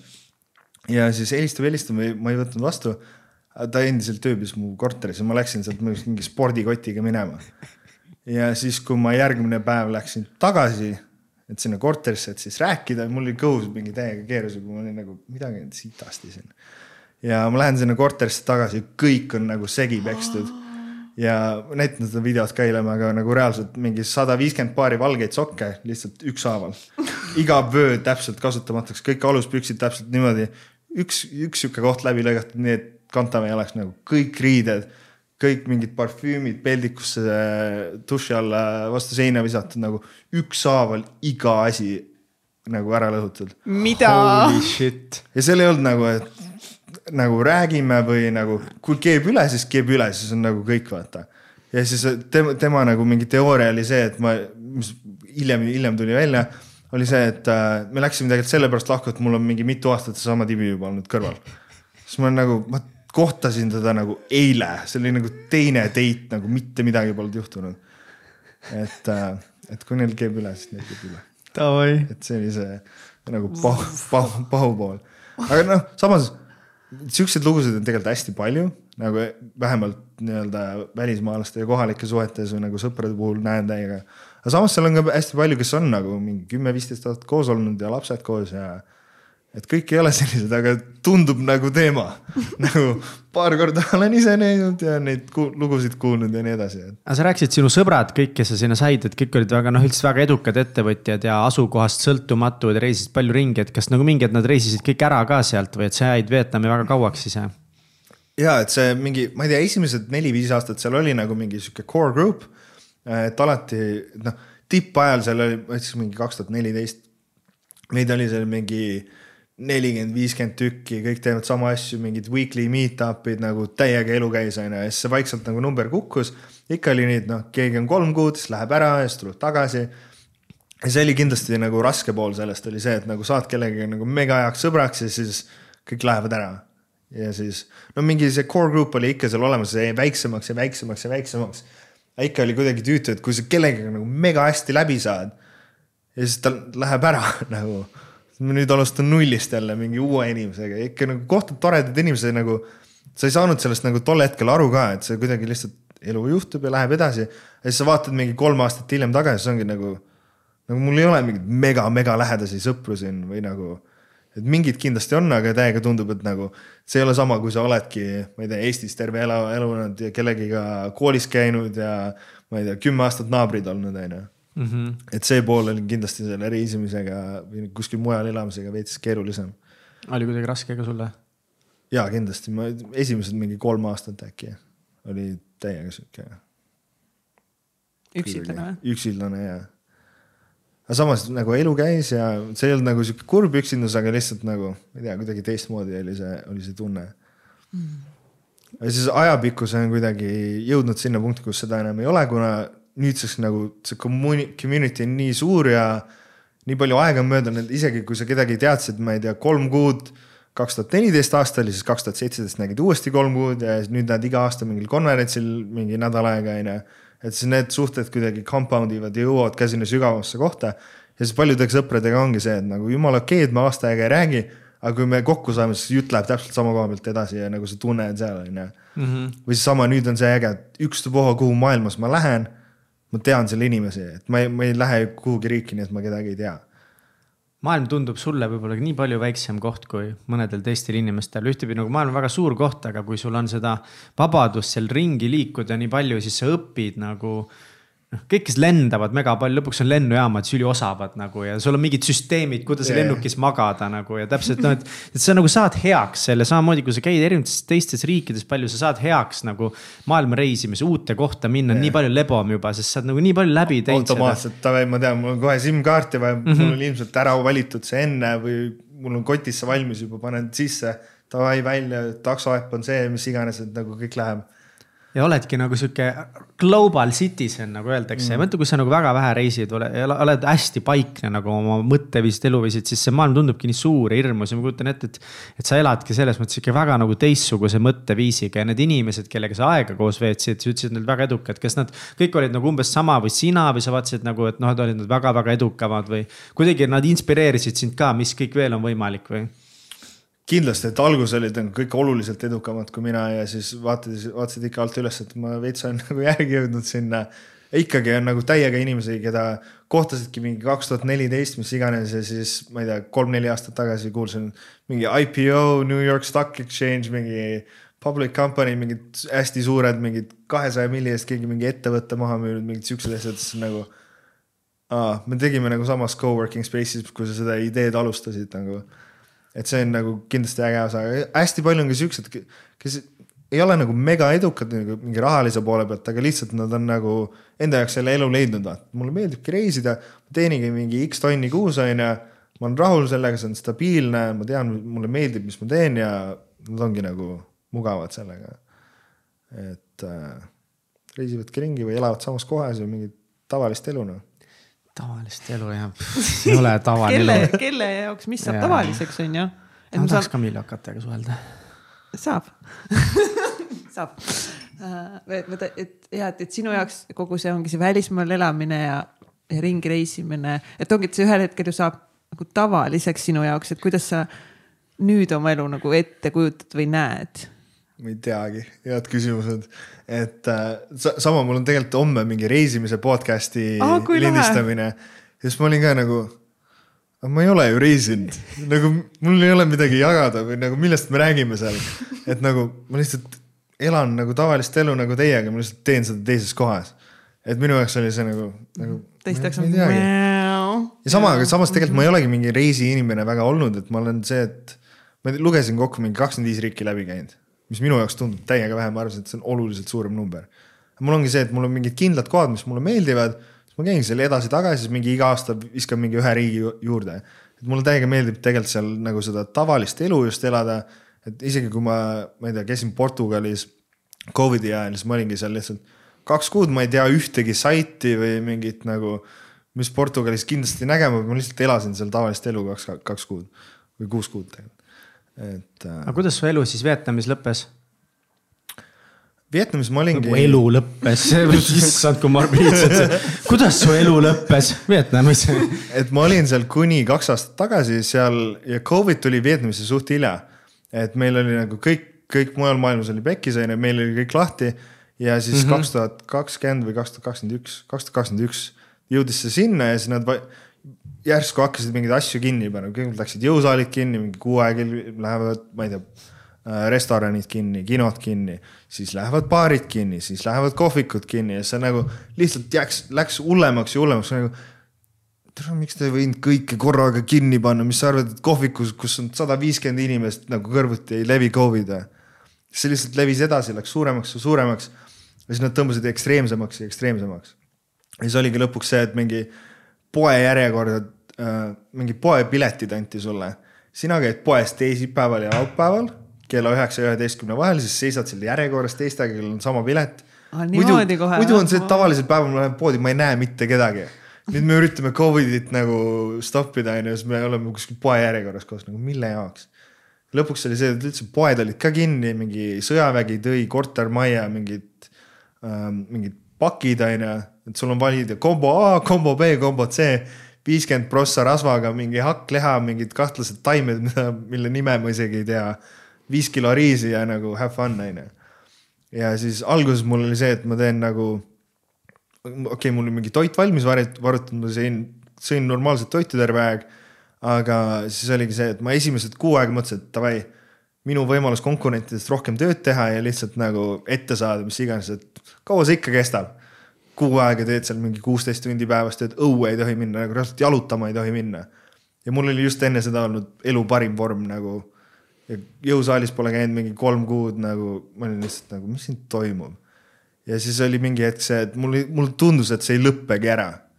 ja siis tuli mingi hull masendus peale, et ma tegin terve elu selle jaoks tööd, et mul oleks vabadus, ma saaks mida iganes teha ja nüüd ma ei saa mitte midagi teha, ma ei saa õue jalutama minna. nagu mis elu see on?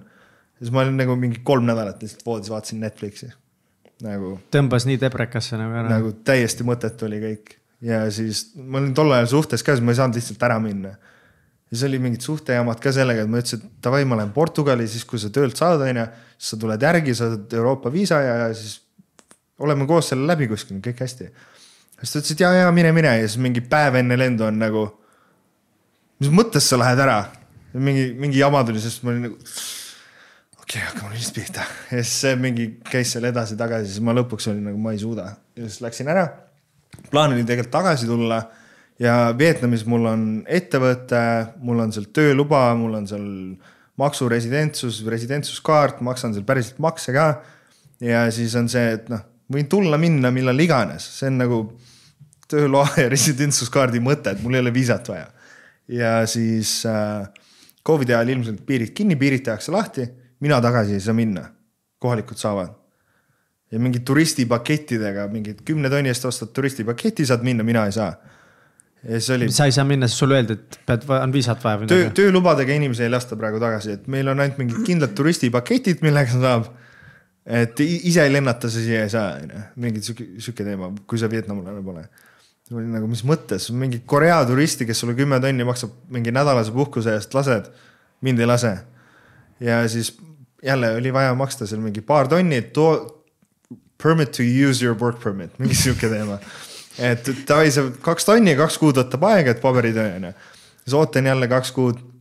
Portugalis läks ka külmaks, mul viskas kopa ette, lendasin Taisse, et davai, siis Vietnamist lähedal mingi tund aega lenda on ju, kõik hästi. Äh, lähen Taisse ja siis oli kaks kuud möödas nagu what's up nagu uh, still waiting. mis mõttes still waiting nagu, maksan samal ajal mingit üüri edasi, kõik mu asjad on seal nagu, mis siin toimub, on ju. ja siis lõpuks mul viskas nii kopa ette, ma olin nagu mis mõttes nagu ma maksan siin makse ja asju, kui te ei taha mind, siis te ei taha mind nagu. Fuck off, nagu aitab, onju. ma lähen kuhugi, kus mind tahetakse. ja siis ma lihtsalt jäin sinna Taisse lihtsalt jäin. jonniakusest. jääd lihtsalt Taisse pangin Vietnami ennast ja sisse. siis olingi mingi aasta seal Phuketil ja siis kolisin nüüd põhja poole eelmine aasta.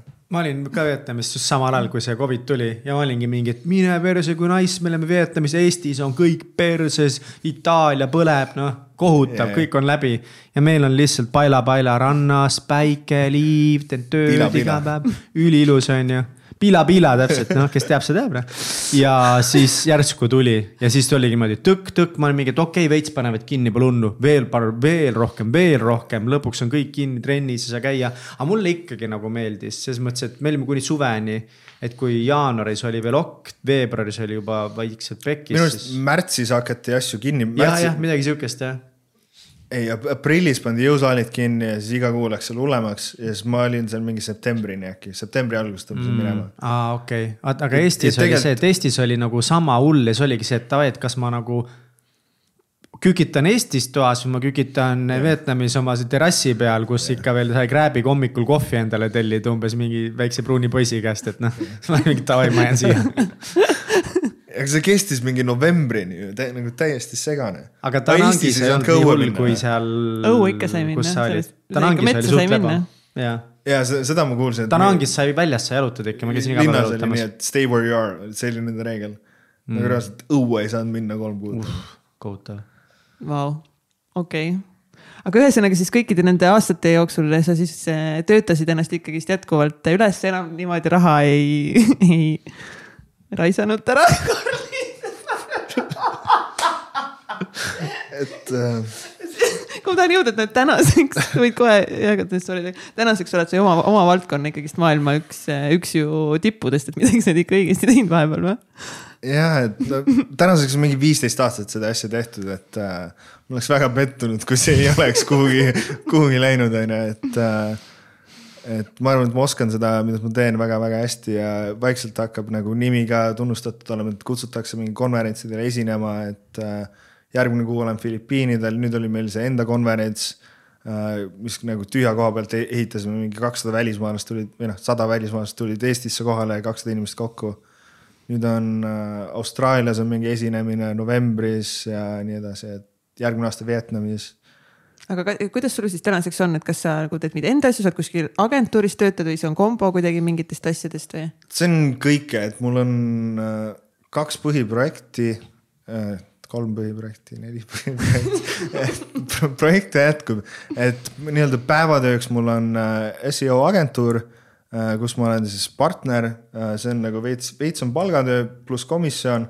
Ja siis meil on nii-öelda õdeettevõte on investeerimisettevõte, kus me ostame nii-öelda lifestyle business eid ehk siis mingid, et teie ehitate seda unicorn'i on ju et äh, mingit, mingit unicorn'e me, sinna me ei investeeri, me tahamegi mingit tavalist äri, mingit igavat äri, mis teenib normaalset plekki. ja selle asemel, et sa selle maha müüd meile, kuna me ei oska, ma ei tea, ostame mingi, ma ei tea, beebipoe, mingi laste asjade poe on ju. täiesti suva sellest vaata, aga me võib-olla oskaks turundada seda, aga me ei taha toodete asjadega tegeleda mm. -hmm. et me ostame sellest mingi kakskümmend kuni nelikümmend protsenti, sina saad mingi raha välja võtta, et sa saad mingi oma korteri osta või maja osta või mis iganes, siis me aitame agentuuriga seda kasvatada. et nende Ah, projektidega cool. saan sealt protsendi sisse, onju. et need on nagu investeeringud ja seal nagu osaluse pool. siis mul on endal mingid need affiliate veebilehed, kus promod mingeid tooteid, saad protsendi vahelt. et seal on mingi internetiturunduse blogid ja mingid matkamise blogid ja ma ei tea, mis igas, iganes asjad. ja nüüd kõige uuem äri on siis see konverents, mis me tegime Eestis kuidas sa oled nagu saanud nii heaks või et selles mõttes, et jällegi, et seo on ka nagu, kui sa alustasid või Eestis ei olnud nii populaarne, aga maailmas ikkagi nagu nii suur valdkond. ja miljonid inimesed kaklevad seal, et selles Google'is nagu väga edukaks saada, et. kas sa ise tunned, et lihtsalt sul on jopanud või on ka mingid teatud tööpõhimõtted, etiketid sul, etiketid, mis asja, tööeetika, eetikad, mis on sind aidanud kuidagi nagu väga heaks selles, mida sa teed mul on alati kõigega olnud see, et sul on kas nagu null või üks. Nagu mingit vahepealset must või valge nagu. kui on pitsa, siis ma söön terve pitsa ära, onju. kui ma lähen trenni, siis ma lähen täiega trenni, ma käin iga päev.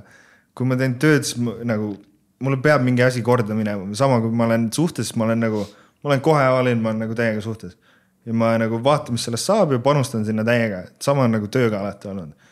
et SEO-ga mul oligi, et nagu mulle päriselt meeldib see, seega ma teen seda kogu aeg. ja siis muidugi need tulemused nagu motiveerivad edasi ja siis mingi hetk saidki aru, et aa, kuule, päris hästi tuleb välja. et ma võiksin seda lõpuni teha ja, ja siis minu, minu arust seal on sama, see nagu mingi see kümne tuhande tunni reegel, oled kuulnud sellest mm? -hmm. kui sa teed midagi kümme tuhat tundi järjest, ükstapuha, mis asi see on, sa tõenäoliselt oled nagu ekspert, on ju. selles on vist üks väga oluline täpsustus, mis on sinna kümne tuhande tunni reegli sisse. fokusseeritud tund. jah, see on see deliberate practice ehk siis nii-öelda nagu keskendunud, sihitud, kuidagi mõtestatud. mitte nagu need persetundi, persetunnid ei aita, et mõtestatud kümme tuhat tundi, jah mm. -hmm et ma arvan, et see, see reegel nagu mängib seal täiega rolli, et mingi hetk sa oledki seda lihtsalt nii kaua teinud, sa saad sellest päriselt aru ja see jõuab mingi punkti. et sama on nagu see, et äh, mingi jõusaali teemadega, et mul mingid sõbrad on, ah väiksena olid nii pisikene ja mis iganes on ju, nagu ongi, aga see ei ole, et ma midagi muutsin, vaid see, et kui sa esimesed viis aastat teedki trenni, sa ei teagi toitumisest mitte midagi, vaata. see ongi, kui sa mingi seitse aastat oled teinud asju, siis lõpuks sa paned selle mingi pildi kokku endal ja siis järgmise nelja aastaga saad mingi kaks korda paremad tulemused kui varem, on ju. okei. sa oled nagu, saad aru, mis toimub, see nagu töötab ju kõiges. Ma olen seitse kuud käinud nagu trennis ja ma ikka vahepeal olen nagu suht pettunud, et ma ei ole sama suur kui sina et äh,. kaua läheb aega nagu ülikiirelt, seda võib ärme sellest üldse pikalt rääkida, aga nagu ma ei tea nagu kui, kaua peab käima, nagu näed trennis kõik tüüpid, kes on jumal suured põkid nagu, et noh kaua ma pean käima trennis, et ma nagu musklis oleks? Sama ideaalis sa võiksid selle teha mingi aastaga, on ju, mingi aastaga saaks väga hullu mingi transformation'i teha. ja see eeldab, et sul on need teadmised olemas mm. -hmm. et aga see on, see on seesama, see käib nagu kõige kohta, on ju. et sa võid ju mingi kursuse võtta, olgu see äriteemadel, turundusteemadel, mis iganes. trenni teemadel, ma võin sulle kõik need toitumiskavad, mis iganes asjad välja, välja kirjutada, on ju. aga sa teed ikka neid veits valivalt et sa lähedki trenni ja teed natukene siis teed veits vähem või teed natuke teistmoodi, sest nii on kergem, mis iganes siis need tulemused täiega muutuvad, kuna sa ei ole seda ämbrit varem ära külistanud, on ju. Mhm. et äh,. lihtsalt ühesõnaga, su point on see, et tuleb lihtsalt aegadega sisse panna ja lihtsalt don't quit it ja try to do it better every day habit. see, see peab sulle endale päriselt korda minema, vaata, et ongi, ma tean ka inimesi, kes on kümme aastat trennis käinud, aga minu jaoks ei olnud nagu, et ma käin trennis, mul on see, et ma treenin ja ma õpin selle kohta, et nagu iga vaba moment oli see, et ma vaatasin mingeid videosid ja õppisin, kuidas paremini teha. kurat küll. et. ma ei äh, saagi suureks lihtsalt söö rohkem, see on, see on tegelikult nagu kaheksakümmend prossa ah,. kõik söö, ütlevad seda. söö nagu oluliselt, söö oluliselt rohkem nagu, tee endale reeglid, sa sööd kilo liha päevas ja sa tõenäoliselt saad hakkama. ongi nii jah okay. aitäh. ei, väga ja nüüd väga huvitavat teemat. tegelikult ja see ja. fun fact, meil on, äh, meil Balance'is üks, üks tiimis üks kutt, kes on, no näeb ka sihuke põkkambaal välja, lühike vend, aga ülisuur, siis ta ütles ka, et ta kaalub mingi üheksakümmend kaks kilo, siis ta ütles, et ta käis ja ta on doktor IT mingi andmeteaduse doktor meil. ta käis mingil tähtsal eh, tehnoloogia konverentsil kuskil mingit oma teadustööd esitamas, siis seal mingeid masinaid proovis. siis ta ütles, et tal on viiskümmend kaks kilo puhast lihast, midagi sellist täiesti ebareaalne, siis me ükskord nagu kuttidega nagu tegime mingit tööd koos, kuidas sa nagu said nagu nii suureks? ei, ma alguses sõin kaks pakki muna päevas. ongi ma mõtlesin, et no ma kahest panen kolm nüüd, ma söön nüüd kolm muna päevas, et päris palju raisk tead, ma ei tea, kas ma hakkan, aga mul on siin ükskord mõtlesin, et ma lähen hulluks ära. ja tead, mis ma tegin või? ma sõin neli muna päevas, mul oli kolm hommikul, üks lõuna oli, ükskord oli kaks hommikul, üks lõuna oli, ma panin ühe õhtul ka veel peale. Ja siis Markus ütleb mulle, et ma tõmbasin kakskümmend muna päevas. ma olin okei okay,, neli ei ole vist väga palju see üldiselt pigem käib jah niimoodi, et sul on viis muna kõrval, siis seal on kolm tükki leiba ja natuke mingit äh, kana või sinki. ja siis sul on veel puder kõrval, pudras, pudru sees on valk, seal sees on marjad ja see on su hommikusöök. et ja see on, ja see on, see on üks neljast või viiest toidukorrast päevas aga kas see, kas see muidugi ainult, alguses ei ole nii hull. aga see on ainult see ehitamise periood või see on ka enda yeah. nagu sa tahad hoida sellist keha näiteks nagu sinul on, mis on ikkagi suhteliselt suured lihased. kas see on nagu pidevalt on ka nii palju söömine või? söömise poolelt kindlasti jah oh,. et see muidu, kehal on energiat vaja ja ta kuskilt peab võtma selle. aga muidu, kui sa mingisse punkti jõuad, see veits on kergem, et nagu nüüd ma olen reisides käinud mingi kaks kuud reisinud onju mingi kaks-kolm korda nädalas trennis ja sellega nagu hoiab, hoiab ära. et äh, üleöö kõik ära, ära päris ei kao, lihtsalt sööd normaalset toitu ja saad hakkama. ja normaalsel siis mõtled hullult palju ja peaasi, et palju liha ja valku ja proteiini saad ja siis yeah. juurikat ja rohelist juurde. juurikat ei tea mitte midagi, pole juurikaid söönud mingi paar aastat. okei okay,, mis sööma pead siis? põhimõtteliselt liha, kui sa sööd kilo liha päevas, siis muu jaoks ruumi ei ole Davai, thanks for the tip, võtan sellest enda kaasa. Pole, pole arst, see ei ole nagu mingi tervisesoovitus, mul, mul on teised eesmärgid. Ja, ja, ja mõistan, mõistan, mõistan. Uh,. miks sa enam na naerma, naerma hakkasid selle peale, kui ma ütlesin, et, et kas sa oled õppinud raha enam mitte raiskama või? Uh,? ei ole õppinud. Või no ma arvan, et mingil määral oled mingit siukest lauslollusi ei tee, aga äh, mul on alati olnud see, et see sihuke mindset, et uh, see, ma ei, ma ei jõua elu sees enda eesmärkideni nii, et ma nüüd säästan mingi tonni kuus või kaks sotti kuus või kaks tonni kuus, nagu ma ei jõuaks mitte kuhugi sellega. see tähendab see, et ainuke viis sinna jõuda on see, et sa teenid rohkem raha. ja kui sa kulutad rohkem raha, siis pead rohkem raha teenima. et siis ongi see, et ma ei tea, mingite asjade eest on maksta ja sa oled mingi eluga harjunud ja siis on, davai, mul on nagu tegelikult oluliselt lihtsam oleks või noh, teoorias on teenida kaks korda rohkem raha, kui ma ei tea, pool sellest säästa. aga vundamendi kindlustamine, tuleviku kindlustamine, et... et kui ühel hetkel ei jaksa enam tööd teha, ei taha tööd teha ja et selles mõttes ma olen kindlasti oluliselt targem, et nüüd ongi mingid, mingid säästukontod tehtud, aktsiatesse mingi raha pandud mm,, mingitesse turvalistemasse äridesse, mis iganes. aga nagu igakuiselt ma ikka, ma tegelikult kulutan suht rumalalt. mulle meeldib inimestele välja teha ja mis iganes, ma kuskil ma ei tea, see, see on ka tegelikult minu arust Aasiast kuidagi veits külge läinud, mulle täiega meeldib see nagu, kuidagi respekt on neile, et see, vaatad mingi, käiakse üheksa, üheksa, kümne, kaheteistkümnekesi kuskil söömas. ja lihtsalt üks inimene maksab arve, täna on minu oma. ja keegi ei vaidle, keegi ei, keegi ei arvuta midagi, kõik on lihtsalt nagu thanks mees. ja minnakse oma teed nagu. ja mul noh, ettevõtja sõprade puhul on ka see täiega nagu ja aastaid ma olen seda pealt teinud, siis nüüd, kui mul on võimalus sedasama teha, siis ma nagu teen täiega hea meelega seda. et ongi lihtsalt mingid, et kui ma siuksed asjad ära jätaks, ma võiks oma kulud täiega nagu vähemaks tõmmata, onju. aga mul teeb see täiega rõõmu nagu mm. -hmm. meeldivad siuksed asjad. mis on veel, võib-olla sul on mõned harjumused lisaks sellele tugevale trenni tegemisele, mis sa arvad, võib-olla on kaasa aidanud äh, sinu selle, sellisele siis äh, edule ma ei tea, see, see uudishimu kindlasti on nagu osa sellest, see võistlushimu on kõige hullem, et sellest mul on ka nagu tatokas, vanquish. ehk siis vanquish, vanquish tähendus on äh, inglise keeles to defeat thoroughly. et nagu täielikult hävitama või alistama või mis iganes. et kui sa nagu sõjas saaksid täiega võtta, siis you got vanquished okay.. et mul on alati see olnud, et nagu kõik on nagu nii hull konkurents ja ma ei tea, mingi enda tõestamise teema või et ma suudan olla parim või mis iganes mm. -hmm. aga kas see ongi siis, et sa paned lihtsalt retsilt töötunde sisse, et kas ongi, ma saan aru, et mis sa ütlesid, et ongi see suhtumine on ju, et sa tahadki olla number üks ja siis, et sa lihtsalt otsustad ära, et sinust saab number üks ja siis sa siis panustad sinna selleks saamisesse mm. -hmm. ma arvan küll. mul see nagu reaalne töö tegemine on täiega raske nagu mul on ADHD, mis on nagu, sul on nagu raske fookust hoida, onju. et ma alustan. Can relate. ma alustan enda päeva sellega, et ma võin vabalt kuusteist tundi tööd teha, onju. aga see ei ole see töö, mida ma tegelikult tegema peaksin, ma alustan oma päeva, siis on see, et ma vastan sellele meilile siis on, oota, täna täitsa pekkis podcast, mis aadressil see on, panen kalendrisse ära. ja siis tuleb mingi, see meil tuli, hakkan seda meili vastama. ah, ma pidin mingi selle asja ära tegema, nagu iga kümne mindi tagant on mingi uus task, siis vahepeal vaatad mingit, kuulad mingit podcast'i, loed raamatut, mis iganes, mingit artiklit, mis on täiega ärile oluline. mingi täiega mingi turunduse artikkel, tunned ennast ilgelt tähtsana siis mingi kell kümme õhtul lähed magama, siis on, aa jaa, see meil. see on nagu see viimane asi, mis päeval testitud saab. et aga samas need, see töötundide sissepanek on ka nagu oluline, et kõik need artiklid, mis aastate jooksul loodud on, ka kuhugi nagu aitavad, on ju. et mulle täiega meeldib see just see õppimise protsess ja asjade mõistmine, uurimine, lugemine, et kui ma midagi teen, siis ma tahan seda nagu täiega õigesti teha, sama nagu trenni puhul. et see, kuidas sa teed ja mida sa teed, on nagu sama oluline, kui palju sa teed. kas üks siis äh,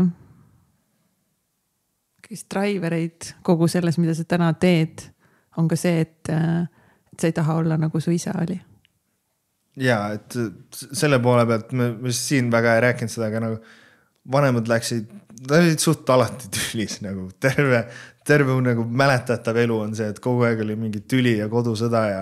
no sõda isegi ei olnud, lihtsalt nagu vaikus ja üksteisega ei räägita ja sihuke nagu suht, suht sitt seis oli, onju. ja siis seal mingid teised asjad ka vahel ja siis jah, ühesõnaga isa osas mul ei olnud nagu mingit nagu eeskuju väga või siis kuidagi kujuneski see, et noh ma mäletan, kui nad lahutasid, siis mul ema oli selline, kes nagu lõi kokku kõik asjad, küsid, kui palju sa hambapastat kasutad? ma ei tea, kaks korda päevas, kui palju sa paned siis nagu arvutab kõik elu eest välja, et nagu palju sinule päriselt nagu raha kulub ja siis äh, leidis mingi üliväikse numbri ja võttis sealt tõenäoliselt veits maha ka midagi ja siis oligi, et okei okay,, alimentide raha peaks olema sees, ma mäletan, nad käisid kohtus selle peale. et mingid siuksed, siuksed nagu mingid asjad nagu et, et äh, ema küsis nagu, nagu miinimum miinimumi põhimõtteliselt. ja, ja, ja siis nagu selle üle mingi vaidlema minna oma, oma poja pärast nagu okay.. aga kuidas sind pani tundma? no tol ajal ma juba tegelesin tegelikult seal mingi interneti asjadega, et nagu, nagu lihtsalt nagu ma tegin selles kindlasti, et me saame hakkama, onju. et äh, ma saan kuidagi ise aidata, aga muidugi nagu valus oli, onju ja sama noh, tänaseni me tegelikult ei, ei suhtle põhimõtteliselt üldse ja seal tegelikult mingi päris väiksena seal oli mingi vägivalda, nagu ma mäletan, kui ema peale mingi räuskas ja korra lõi ka ja siis nagu elu eesmärk on veits olnud nagu veits tema vastand olla. et äh, mingite kindlate viiside puhul, et ollagi nagu hea mees ja luua mingi normaalne pere ja oma poega nagu päriselt kasvatada, et mul on nagu see. Teil on üks külaline olnud, ma ei tea, kas ma seda, seda lugu ma ei ole kuskil tegelikult rääkinud või isegi paljudele inimestele ei ole rääkinud. aga Timo Porval on üks teil külaline, ta on üks väga-väga lähedane sõber. Timo.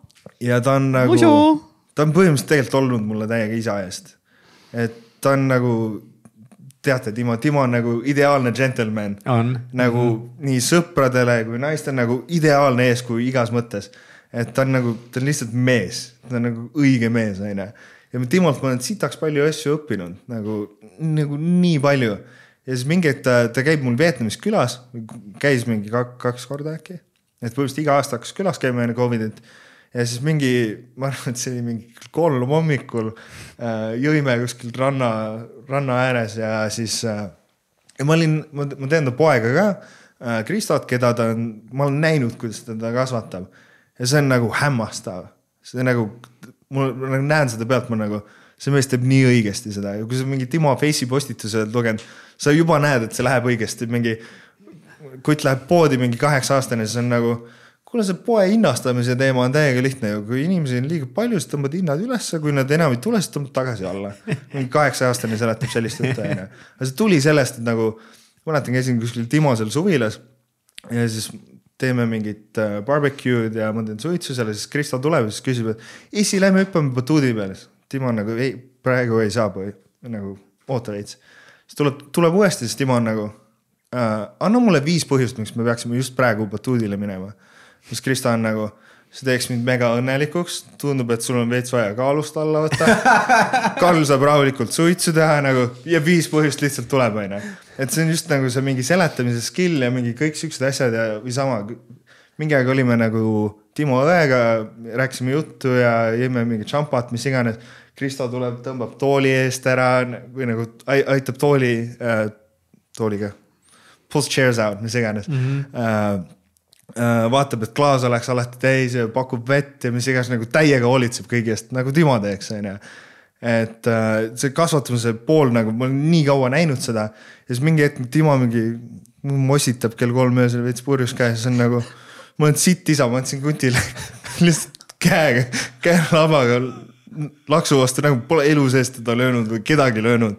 ja siis ma olen nagu, sa ei saa nii öelda nagu et ma sain ise nagu sellest haiget, sa arvad, et sa oled sa sitt isa nagu, nagu. sa oled rohkem isa olnud kui mulle, kui mu päris isa on olnud, onju. Äh, ja siis see on nagu mingi moment, mis tuli meelde sellest wow.. ilus, ilus ja shout out Timole, tänu Timole on ju Karl täna meil tegelikult äh, saates äh, ka, et Timo on alati Karlist nii kõrgelt äh, rääkinud. ta vist teeb kõigiga seda, sellepärast ongi nii tore. ei, ei selles mõttes ta räägib hästi ikka, ikka inimestest alati, aga see, kuidas ta lihtsalt nagu sind, no nagu mulle nagu noh, haipinud juba aastaid, vaata. et nagu mingi noh, sa võtad Karliga kokku, sa mõtled kindlasti talle saatesse tulema, sa ei kujuta ette, mis story'd seal on nagu.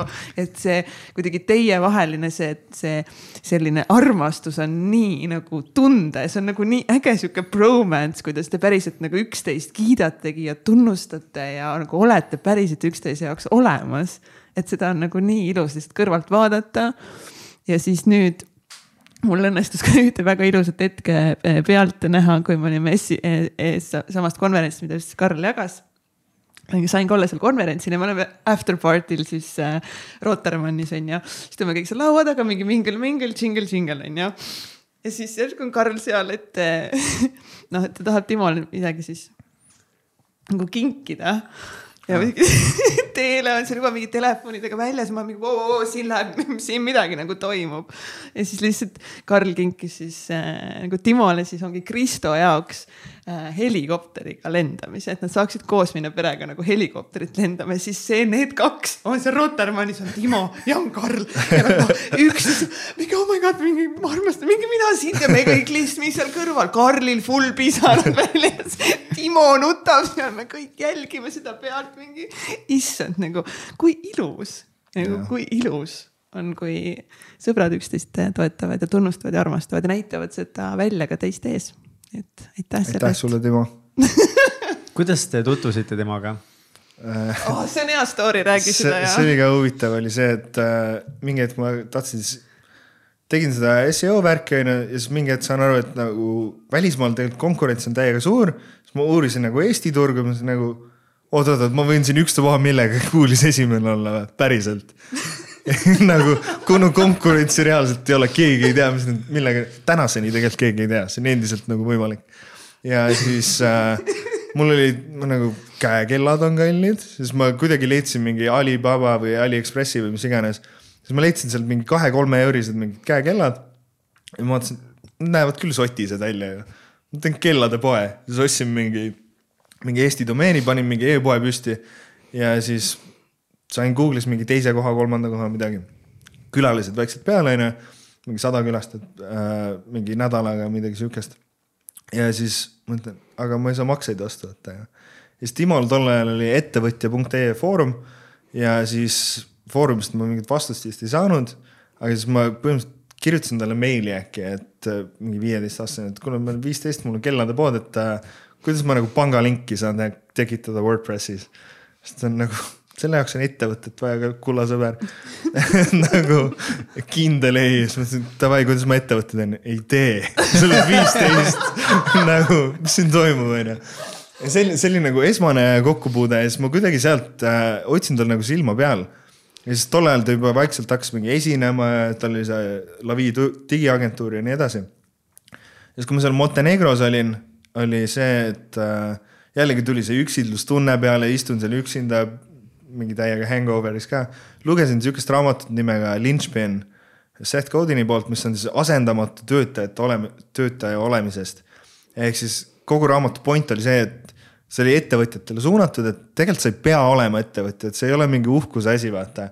et sul, sa võiksid tegelikult leida mingi töö, mis sulle päriselt meeldib ja kus sind ka tasustatakse vastavalt et see rahaline pool on ka hoolitsetud, et kui, kui sa oled päriselt asendamatu, siis sa võid küsida ükstapuha, mis raha sa tahad, onju. ja siis raamatus oli a la pane mingi kolm ettevõtet kirja, kelle jaoks sa tahaksid töötada. panin kolm tükki kirja, üks neist oli Conversion XL, mis on selle Peeplaja mingi agentuur, onju. ja teine oli Timo Lavi oma, kuna Timo minu jaoks oli Eesti parim turundaja, tänaseni on, tegelikult ka on. Äh, ja siis põhimõtteliselt ta oli ainuke inimene sealt kolmest, kellega ma päriselt ka ühendust võtsin. ma lihtsalt otsisin ta Face'ist üles, ma saatsin talle sõnumi, mis oli umbes nagu hei, äkki otsid poole kohaga üliambitsioonikat töötajat endale agentuuri. ja siis Timo vastus oli umbes nagu tule kontorist läbi. ja siis ma vastasin talle, et sorry, ma olen hetkel Montenegros, et ma tulen septembris kooli jaoks tagasi, et teeme siis. ja siis, aga ma tegin, mul oli täiesti meelest läinud, siis ma mõtlesin, et lihtsalt oligi, saime kokku ja mis iganes, aga tegelikult ma tegin sihukese asja, et äh, ma otsisin üles mingid raamatute autorid, mingid podcast'ide host'id äh,, mingi ultramaratonide jooksja, mingi hästi tuntud kutid. ja siis ma põhimõtteliselt kirjutasin, saatsin neile kõigile meili, et kuule, ma kandideerin oma unistuste töökohale. et kuule, viitsid lindista mingi lühike klipp, et nagu thumbs up või midagi, midagi sihukest, on ju. võõrastele inimestele? jah nagu raamatute autoritele, podcaster ites, ma mõtlesin, et äkki, äkki Timo ja Henri teavad ka neid kutte, on ju ja seal oli mingi Entrepreneur on Fire, John Lee Dumas, võib-olla oled kuulnud uh,. Eventual Millionaire podcast'i host, mingid uh,, ühesõnaga mingid suht tuntud autorid. ja ma sain sealt mingi, ma ei tea, seitseteist klippi kokku wow.. What, kui palju? Siis... palju sa teile kirjutasid? ma ei tea, paarsada. paarsada ikka või? tere, sa ikka nagu, no ütlesid, kui sa teed, sa teed päriselt ja siis oh, lõppu nice. panin, mul oli tol ajal ka mingi virtual assistant olnud, mingi Serbia naine, kes mu jaoks mingeid asju tegi. esimene töötaja ja siis tema, tema pani ka lõppu, ta tegi mingi kaheminutisele testimonial'i, et kuidas Karl bossina on ja siis ma töötlesin selle kogu video kokku ja saatsin, saatsin neile et nagu sa ei saa mulle ei öelda, vaata. ja siis põhimõtteliselt me saime kokku, tööintervjuu oli Pärnu maanteel Pamba piljardis ja põhimõtteliselt mängisime, mängisime lihtsalt piljardit mingi kaks tundi. siis ma rääkisin talle SEO-st, et kuule, te ei paku teenust, vaata, et ma võin appi tulla ja aidata ja värki. siis käisime kontorist läbi ja siis äh, kohtasin Henrit ka, äripartnerit tal. ja siis mingi, ma ei tea, ma ei tea, kaua sealt edasi läks, mingi päev koolis sain sõnumi, et you are in. aga naljakas oli see, et ma tol ajal ma küsisin palka kaks tonni kuus, aga poole kohaga. ja Timo ise, Timo ja Henri endale maksid tonni ja ma nagu, ma ei kaubelnud ka, ma olin nagu, nii on ja siis nad, ma ei tea, enda palgad jätsid maksmata, tegelikult mingit raha sel ajal nagu väga ei olnud. aga nad võtsid minu peale selle riski ja siis tegimegi koos. ja siis ma olingi seal, ma ei tea, mingi kuus kuud või üheksa kuud ja mingit väärtust sai loodud. see teenuse pool meil nagu väga käima ei läinud, aga mingeid ägedaid asju nende klientidele ikka aitasin teha ja ja sealt edasi jäimegi sõpradeks, mingi hetk ma läksin sealt edasi Vietnamisse, tegin mingit oma asja ja nüüd tänaseks meil on ka mingid ärid, ärid koos ja endiselt teeme asju, konverentsi tegime koos ilmselgelt onju. et temata oleks see, see jällegi võimatu olnud ja sellest ajast saati nagu mega head sõbrad olnud, kuskil reisimas käinud ja mm. -hmm. Wow. ja kes ettevõtjad, turundajad kuulavad, siis äh, järgmine aasta SEO Estonia tuleb uuesti. tuleb juuni kaksteist kuni neliteist mm. -hmm, täiega soovitan äh,. siia lõpetuseks äh,. mis värk sul selle Bitcoiniga oli ah,? see oli selle FBI story äh, jätkuks siis, et äh, lähme tagasi sinna kakskümmend kaheksa juuni on ju, see on, see on kaheksateist. ja siis antakse need arvutid tagasi, et case is dropped, davai, mine sinna kontorisse nüüd, võta oma arvutid. mul oli kolm arvutit, üks oli see, mis ma ise olin ehitanud, see oli see originaalne arvuti, mu põhiarvuti kus ma siis tegin oma tööasju, tegin neid häkkimise asju ja mis iganes, onju. ja siis mul oli teine arvuti juurde ostetud, mis oli uuem ja võimsam. ma sellest kohe räägin, miks ta uuem ja võimsam pidi olema, siis mul oli mingi läpakas, tegelikult mul oli mingid serverid ka renditud. ja siis ma sain need arvutid tagasi ja see põhiarvuti ei läinud mitte kunagi enam uuesti käima see oli see, mis ma ise olin ehitanud, teised läksid ilusti käima, kõik failid olid alles, see nii-öelda häkkimise arvuti ei töötanud, onju. ja siis tol ajal mul oli nagu, asendasin mingit need, ma ei tea, toiteploki ära ja ema, ema plaadi, mis iganes, onju. ei saanud tööle. ja siis tegelikult lõpuks mul oligi nagu kopp oli ees, onju. ma ei tahagi seda arvutit, nagu halvad mälestused, mis iganes, et nagu las ta olla siis, onju. ja siis, aga üks asi, mida ma veel tegin, oli, ma kaevandasin Bitcoin'e enne kui Bitcoin oli teema. et see oli, pakun mingi neli daala, kuus daala, kümme daala, midagi sinna kanti ja selle jaoks ma ostsingi selle võimsama arvuti, et mul arvutid kogu aeg kodus käisid, kakskümmend neli tundi päevas, kolm tükki pluss serverid olid renditud, kus ma ka kaevandasin seda. ja tol ajal nagu need numbrid olid tuhandetes, need Bitcoinid. Äh, et kui palju sul neid oli, et sa kaevandasid neid väga kiiresti, see jääb kogu aeg aeglasemaks. ja siis ilmselgelt nagu Eestis on see, et äh, talvel need üüri, üüriarved lähevad kõrgemaks, on ju elektrikommunaalid. elektrid, kommunaalid mm, -hmm. mingi neljasotine arve tuleb, siis ema on nagu, miks need arvutis kogu aeg kakskümmend neli, seitse sees on. ja siis noh, talvel mingit kasumit ka tegelikult sellest ei saanud, muidu teenisidki mingi kaks sotti kasumit on ju või kolm sotti. ja siis talvel on see nagu, tundub nagu veits null on ju. ja siis lõpetasin ära selle. aga see viimane balance, mis mulle meelde jäi, tol ajal Windowsi arvuti oli, seal oli sihuke, sihuke piklik kast lihtsalt niimoodi sellised programmid, mingid full screen äppe ei olnud, onju. Seal ongi mingi kaks nuppu, tavaline tekstikast, kus su aadressonist halli tausta peal on musta, mustade, musta tekstiga lihtsalt numbrid. tuhat ükssada viiskümmend neli koma seitsekümmend kaks Bitcoini. tuhat ükssada. tuhat ükssada viiskümmend neli koma seitsekümmend kaks, ma näen seda täna, tänaseni silmade ees. see oli see viimane balance, mis seal oli, kui palju neid oli. ja see arvuti ei läinud enam käima ja mul oli muidugi meelest ära läinud kuni kaks tuhat seitseteist, kus oli see krüptos mingi suur bull run on ju mis läks, äh, jõudis mingi seitsmeteist tonnini. ja siis kuskil mingi jõuludinneril, reaalselt jõuludel tuli meelde.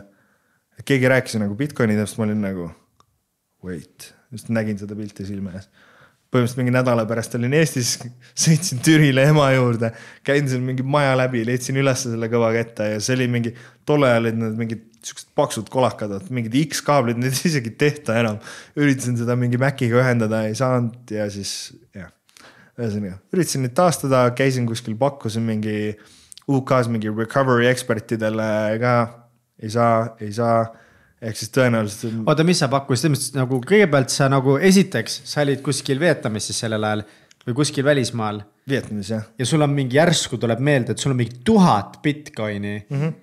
Kuskil seitseteist miljonit on lihtsalt Bitcoinides, no ma, ma kujutan ette, et sul võis nagu pulss võis tõusta. pidu oli, mul oli automaatne tähistamine, vaata.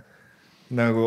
oh my god, ma olen miljonär. muidugi on olemas yeah. nagu retire time, vaata, siis jõuad sinna, siis nagu. nii, et kohe lennukiga tagasi Eestisse, sul on vaja kõva kettad üles leida mm, -hmm. kohe, kus mu miljonid on, lihtsalt emale ka midagi ei öelnud. igaks juhuks. ei, see oli, see oli vist Keilas isegi. Keila mingi korter oli neil, siis käisin seal läbi, tuusti mingi kastides. lõpuks leidsid Lõpuks... kõvake ülesse, vaatad otsa lihtsalt miljonitele eurodele lihtsalt noh, silme ees dollari märgid käivad.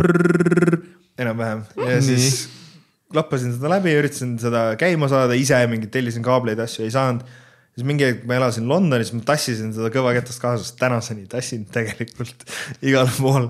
et äh, see on endiselt mul alles, mitte minuga kogu aeg kaasas ilmselgelt, vaid nagu põhikodus kuskil seifis on ju. ja siis äh, Londonis, seal on nagu see data recovery on nagu suurem teema, mingid eksperdid on ju. viisin kahte kohta juba ära, et proovige taastada, mingeid vanu pilte vaja, mis iganes, nagu no chance, didn't work, ei saa, läbi on kolmandas kohas kutt pani selle nagu leti peale ja siis ma olin nagu, dude, there is a thousand Bitcoin on here. If you can help me recover this, I will give you ten percent. kutt isegi ei viitsinud teda püsti võtta nagu, lihtsalt nagu, isegi ei proovinud. juba teadis, et ei, seda ei. aga siis järgmised kuus kuud oli päris rets, kuna mul oli sihuke tunne, nagu ma oleks sellest rahast ilma jäänud, vaata või nagu see oli minu raha ja keegi võttis ära või kadus ära, nagu mm -hmm. tegelikult sul ei olnud mitte midagi, vaata, sa ise unustasid ära, sa ei tea ja nagu see on ammu läinud, vaata. aga sa. aga siis peas teed mingid matemaatikad ja mõtlesid välja, mis sa sellega rahaga oleks teinud ja kuidas elu hakkab olema. no sest sa juba jõudsid ju endale selle idee selgeks teha, et sul on see olemas juba yeah., sest sa hetkeks tead, sul on olemas see, mis see seitseteist miljonit oli ta siis väärt või yeah.? midagi sihukest. ja siis no kaks tuhat kakskümmend kaks oleks vapsi olnud kuuskümmend viis on ju Oh my god ja siis sa elasid seda leina läbi kuus kuud, et sa jäid ilma oma miljonitest ja. see on, see on tegelikult tänaseni veits valus, aga see kuus kuud oli nagu väga jõhker. ja naljakas oli see, et ma isegi ei teadnud, ma pidin see nädal minema kinno. ja kinos on sihuke film nimega Vaba raha, mis on ka täpselt põhimõtteliselt sellisel teemal, mingi Bitcoini teemadel. seal kutil on ka mingi mälupulk, kus tal on, ei taha filmi spoil ida, aga aga ta ei saa sinna ligi ja seal on ka mingid rahad peal, onju. ja siis ma käisin seda filmi reaalselt eile vaatamas oh, mul tuli see lugu jälle meelde, ma olin nagu täiega val... nagu mm. -hmm. aga sa kannad seda kõva ketast siis enda kaasas, sest et. ei no kui ma kuskil kolin, vaata, et ma mingi ema juurde. ei, ma mõtlengi, et aga noh, et, et miks sa ei ole seda ära visanud või lahti lasknud sellest nii-öelda. äkki peaks ma ei tea, et. mingi lihtsalt... sihuke korralik terapisti küsimus, et äkki ma peaks lihtsalt lahti laskma sellest ja äkki siis saavad need miljonid tulla sinuni. ei, aga ikkagi, ikkagi on mingi ootus, vaata, et ma ei tea, tehnoloogia äkki, areneb jah. või üks kuskil mingi ekspert on, kes üks päev selle ära päästab, et. mis siis, kui see ongi noh, mingi viie aasta pärast on need viis milli väärt äh, tükk, on ju. et mis sa siis oleksid valmis tegema, et neid tagasi saada? Et tänasel päeval see on siis mingi palju, kolmkümmend neli miljonit äkki väärt või midagi sellist või? kakskümmend kaheksa vist. kakskümmend kaheksa miljonit väärt ja Kats, me pärast, kui me sinuga kõnes, kui sa jagasid seda lugu meile, siis just Kats küsis täpselt nagu et umbes me, me olime korra vaata niimoodi, et noh, täiesti perses, täiesti crazy nagu. ja siis Kats kirjutas mulle, et no mis, mis sa arvad, kas saab nagu tagasi, siis ma ütlesin, et ma arvan, et ei saa. ma arvan, et sa ei saa neid tagasi, aga see on sellepärast, et nagu, et ongi, et sa ei ole seda, et sa sellepärast sa ei saa seda tagasi, sest sa oled võimeline ise selle raha teenima. ma usun, et sa teenid ise endale selle raha ja sul on ühel hetkel mingi kolmkümmend viis miljonit euri. võib-olla sul otse pangakontodega, siis on ettevõtete kogu väärtus. ja sel hetkel, kui sa selle kätte saad, siis ma usun, et käib klõps, tehnoloogia muutub ja sa saad need Bitcoinid ka kätte. aga sa pead enne ise selle ära teenima ja siis, ja siis tol hetkel, kui sinu jaoks enam ei muuda su elu tegelikult siis saad mingi, aa päris cool, sain kätte ja võib-olla sa annad selle heategevuseks kuskil ära üldse. mulle meeldib see story, lähme sellega see on päris hea story, mulle ka väga meeldib. ma usun, et on nii. tänaseks mul on tegelikult veits, veits on suva sellest, ma kuskil Puketi mingi villapeol kuskil jumala juutäis peaga kohtasin ka mingit eksperti, kes ütles, et kuule, ma saan raudselt selle tagasi. ja see oli mingi sõbra sõber, mul on tänaseni telefonis notes ides kirjas recovered.co mingi ta veebileht äri onju Alex oli kuti nimi nagu nii täpselt on meeles see. siis ta ütles, et nagu davai, saada mulle, saada mulle Austraaliasse. ma otsin üles, mõtlesin, huvi saadan sulle mingit kuradi kõva kütet. just rääkisin selle story sulle nagu, mis asja. ma tulen kõrvale, seisan su kõrval. kõrval mingi turvameestega seal, mis teed kõike minu ees, kui, kui sa üldse midagi teed, onju. ma ei ole talle kunagi kirjutanud, ah, tegelikult ma novembri, novembris lähen Austraaliasse tuleks kaasa võtta äkki no,. aga ma, ma ei ole talle kirjutanud, et uurime või vaatame või mis iganes mm, -hmm. et äh,. aga äkki läheme nii. luba, luban selle raha, pool sellest rahast heategevusse anda, kui see nii läheb. Davai, nice, I will take it aga uh,. ilus. jah.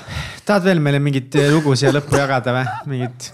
Seiklust või mingit hetke, mis on sinu elus mingisugust märgilist rolli äh, mänginud? ei tule praegu niimoodi kohe meelde. siin see saade on olnud täis juba väga crazy siit äh, story sid lihtsalt lihtsalt nagu nii tore. ja nagu me saatekülalistele ikkagi harjumuseks on, siis tõenäoliselt need kõige mahlasemad ja vürtsikama mingisuguse loo jätab Oi. ikka enda teada. ei no ma arvan, et siin ei ole üh-, siin on neid no, jah, sadu midagi, nagu Pole mitte midagi tagasi hoidnud aga noh, arvestades sinu elu, siis nagu neid story sid me võiks teha, siin ma räägin veel hommikuni salvestada. mul on kiire küsimus nagu kõik inimesed, kes on praegu väga inspireeritud nüüd sinu loost ja sellest enda ülestehistamisest, mis nagu võimalused täna üldse on siis nii-öelda online'is raha teenida, et kas ühte, kas on just nagu palju raskem, sest kõik teevad seda nüüd, et nagu seda elu kätte saada, mida sina täna elad, et äkki on nagu liiga keeruline, võimatu täna inimestel. või mis sina arvad, mis sa annaksid nagu nõu või kuidas sa suunaksid? esimene reegel oli show's, et me ei anna nõu, ma ei tea. ei, aga sinu kogemus, sinu arvamus Arvan, sa ei õpeta, aga sa jagad arvamust. ma arvan, et see on tegelikult lihtsam kui kunagi varem, kuna nüüd on kogu see info on olemas et äh, su, sa saad minna Youtube'i, sa saad osta mingid kursused, kus sulle õpetatakse nagu samm-sammult, sa ei pea leiutama, nagu ma leiutasin, vaata. nagu sama mingi seo teemadel nagu ma jagan mingit tasuta infi nagu Instagramis, mis iganes on ju nagu keegi tahab rääkida, küsimusi saata, nagu kõik vastavad, kõik aitavad.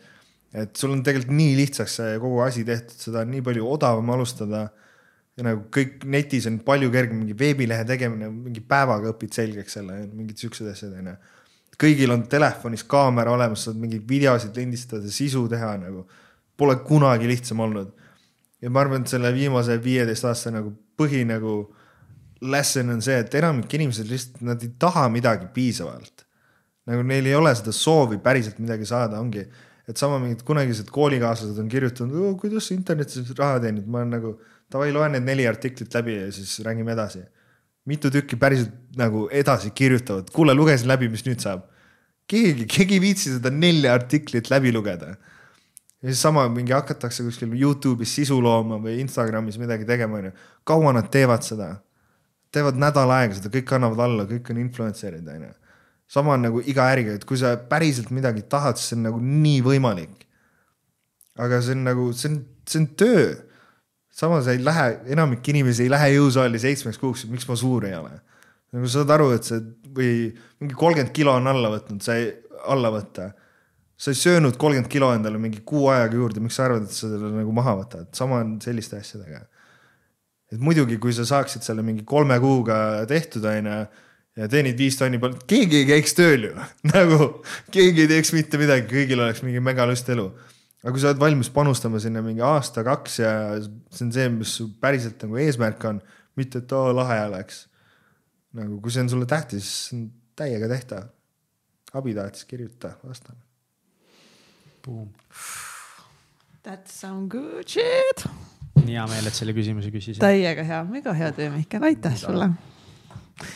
Äh, saate lõpetuseks äh, saad valida endale siit kaasa ühe raamatu yes., mis sind täna võib-olla kõige rohkem siis äh, kõnetab. noh, kui ma sind muidugi, ma hakkan jällesti pealtki ma ei tea, kas sul nüüd seda vaja on aga liitvõimendus, sinu sissetulekute, elu ja edu kiirkäivitaja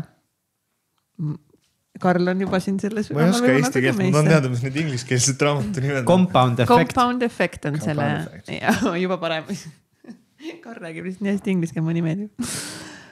Siis on uh, sinu kindlasti lemmik, nagu sa ennem ütlesid, hommikud sul nagu super on ju siis Imede hommik uh,. seda ma olen lugenud isegi. oled jah? see on hea raamat. kasu pole midagi. nii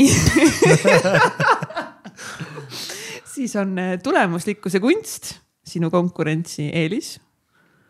Inglise keeles ma ei tea, kuidas see on uh,. The art of productivity, no jälle, ma arvan, et sa oled juba ka selle ära meisterdanud. Ja siis on Viie tärni suhtlemissaladused, mis muudavad sind heaks, heast võrratuks. võtan selle viimase igaks juhuks selle viis, viis ja. tärni mm. -hmm. kuigi ma arvan, et sa oled juba suhtlemises ka päris hea. suured tänud ja kui sina tahad ka minna shoppama äh, ägedaid raamatuid, et saada nii cool'iks ägedaks kui Karl, siis äh, miljon.ee ja sooduskoodiga täitsa pekkis saad siis äh, soodukad ka, nii et mine shoppama. aitäh, Karl, mida lihtsalt, et me selle saate lõpuks ära tegime. me vahepeal oli juba siin nagu oht, et Karl läheb juba, ta on juba Chiang Mai's mm, -hmm. ta mhm. juba joob seal Mai Taisid on ju, meiega pekkis, aga siis ikkagi Karl jäi veel kuuks ajaks Eestisse ja saime selle saate ära teha oh,. nii hea saade sai. täiega lahe oli. aitäh, Karl. aitäh. Ma olen väga inspireeritud praegu tegema oma tööd veel paremini ja teistpidi ma nii hullult tahan ikka minna ka kuskile soe päikse alla talveks ära. tule kaasa, järgmine, järgmine teisipäev. ei, siis ma veel ei saa tulla, investorid miitingud ootavad aitäh, aitäh sulle. aitäh. tänud. täitsa Pekkis saate tõid teieni Katrin Hinrikus Egert Karu, Mihkel Vetemaa, Martin Haljaste, Mailis Sats, Pipi Õun ja Treisi Sarapuu suur,. suur-suur aitäh teile, ilma teieta, mu kullakesed, see saade ei saaks juhtuda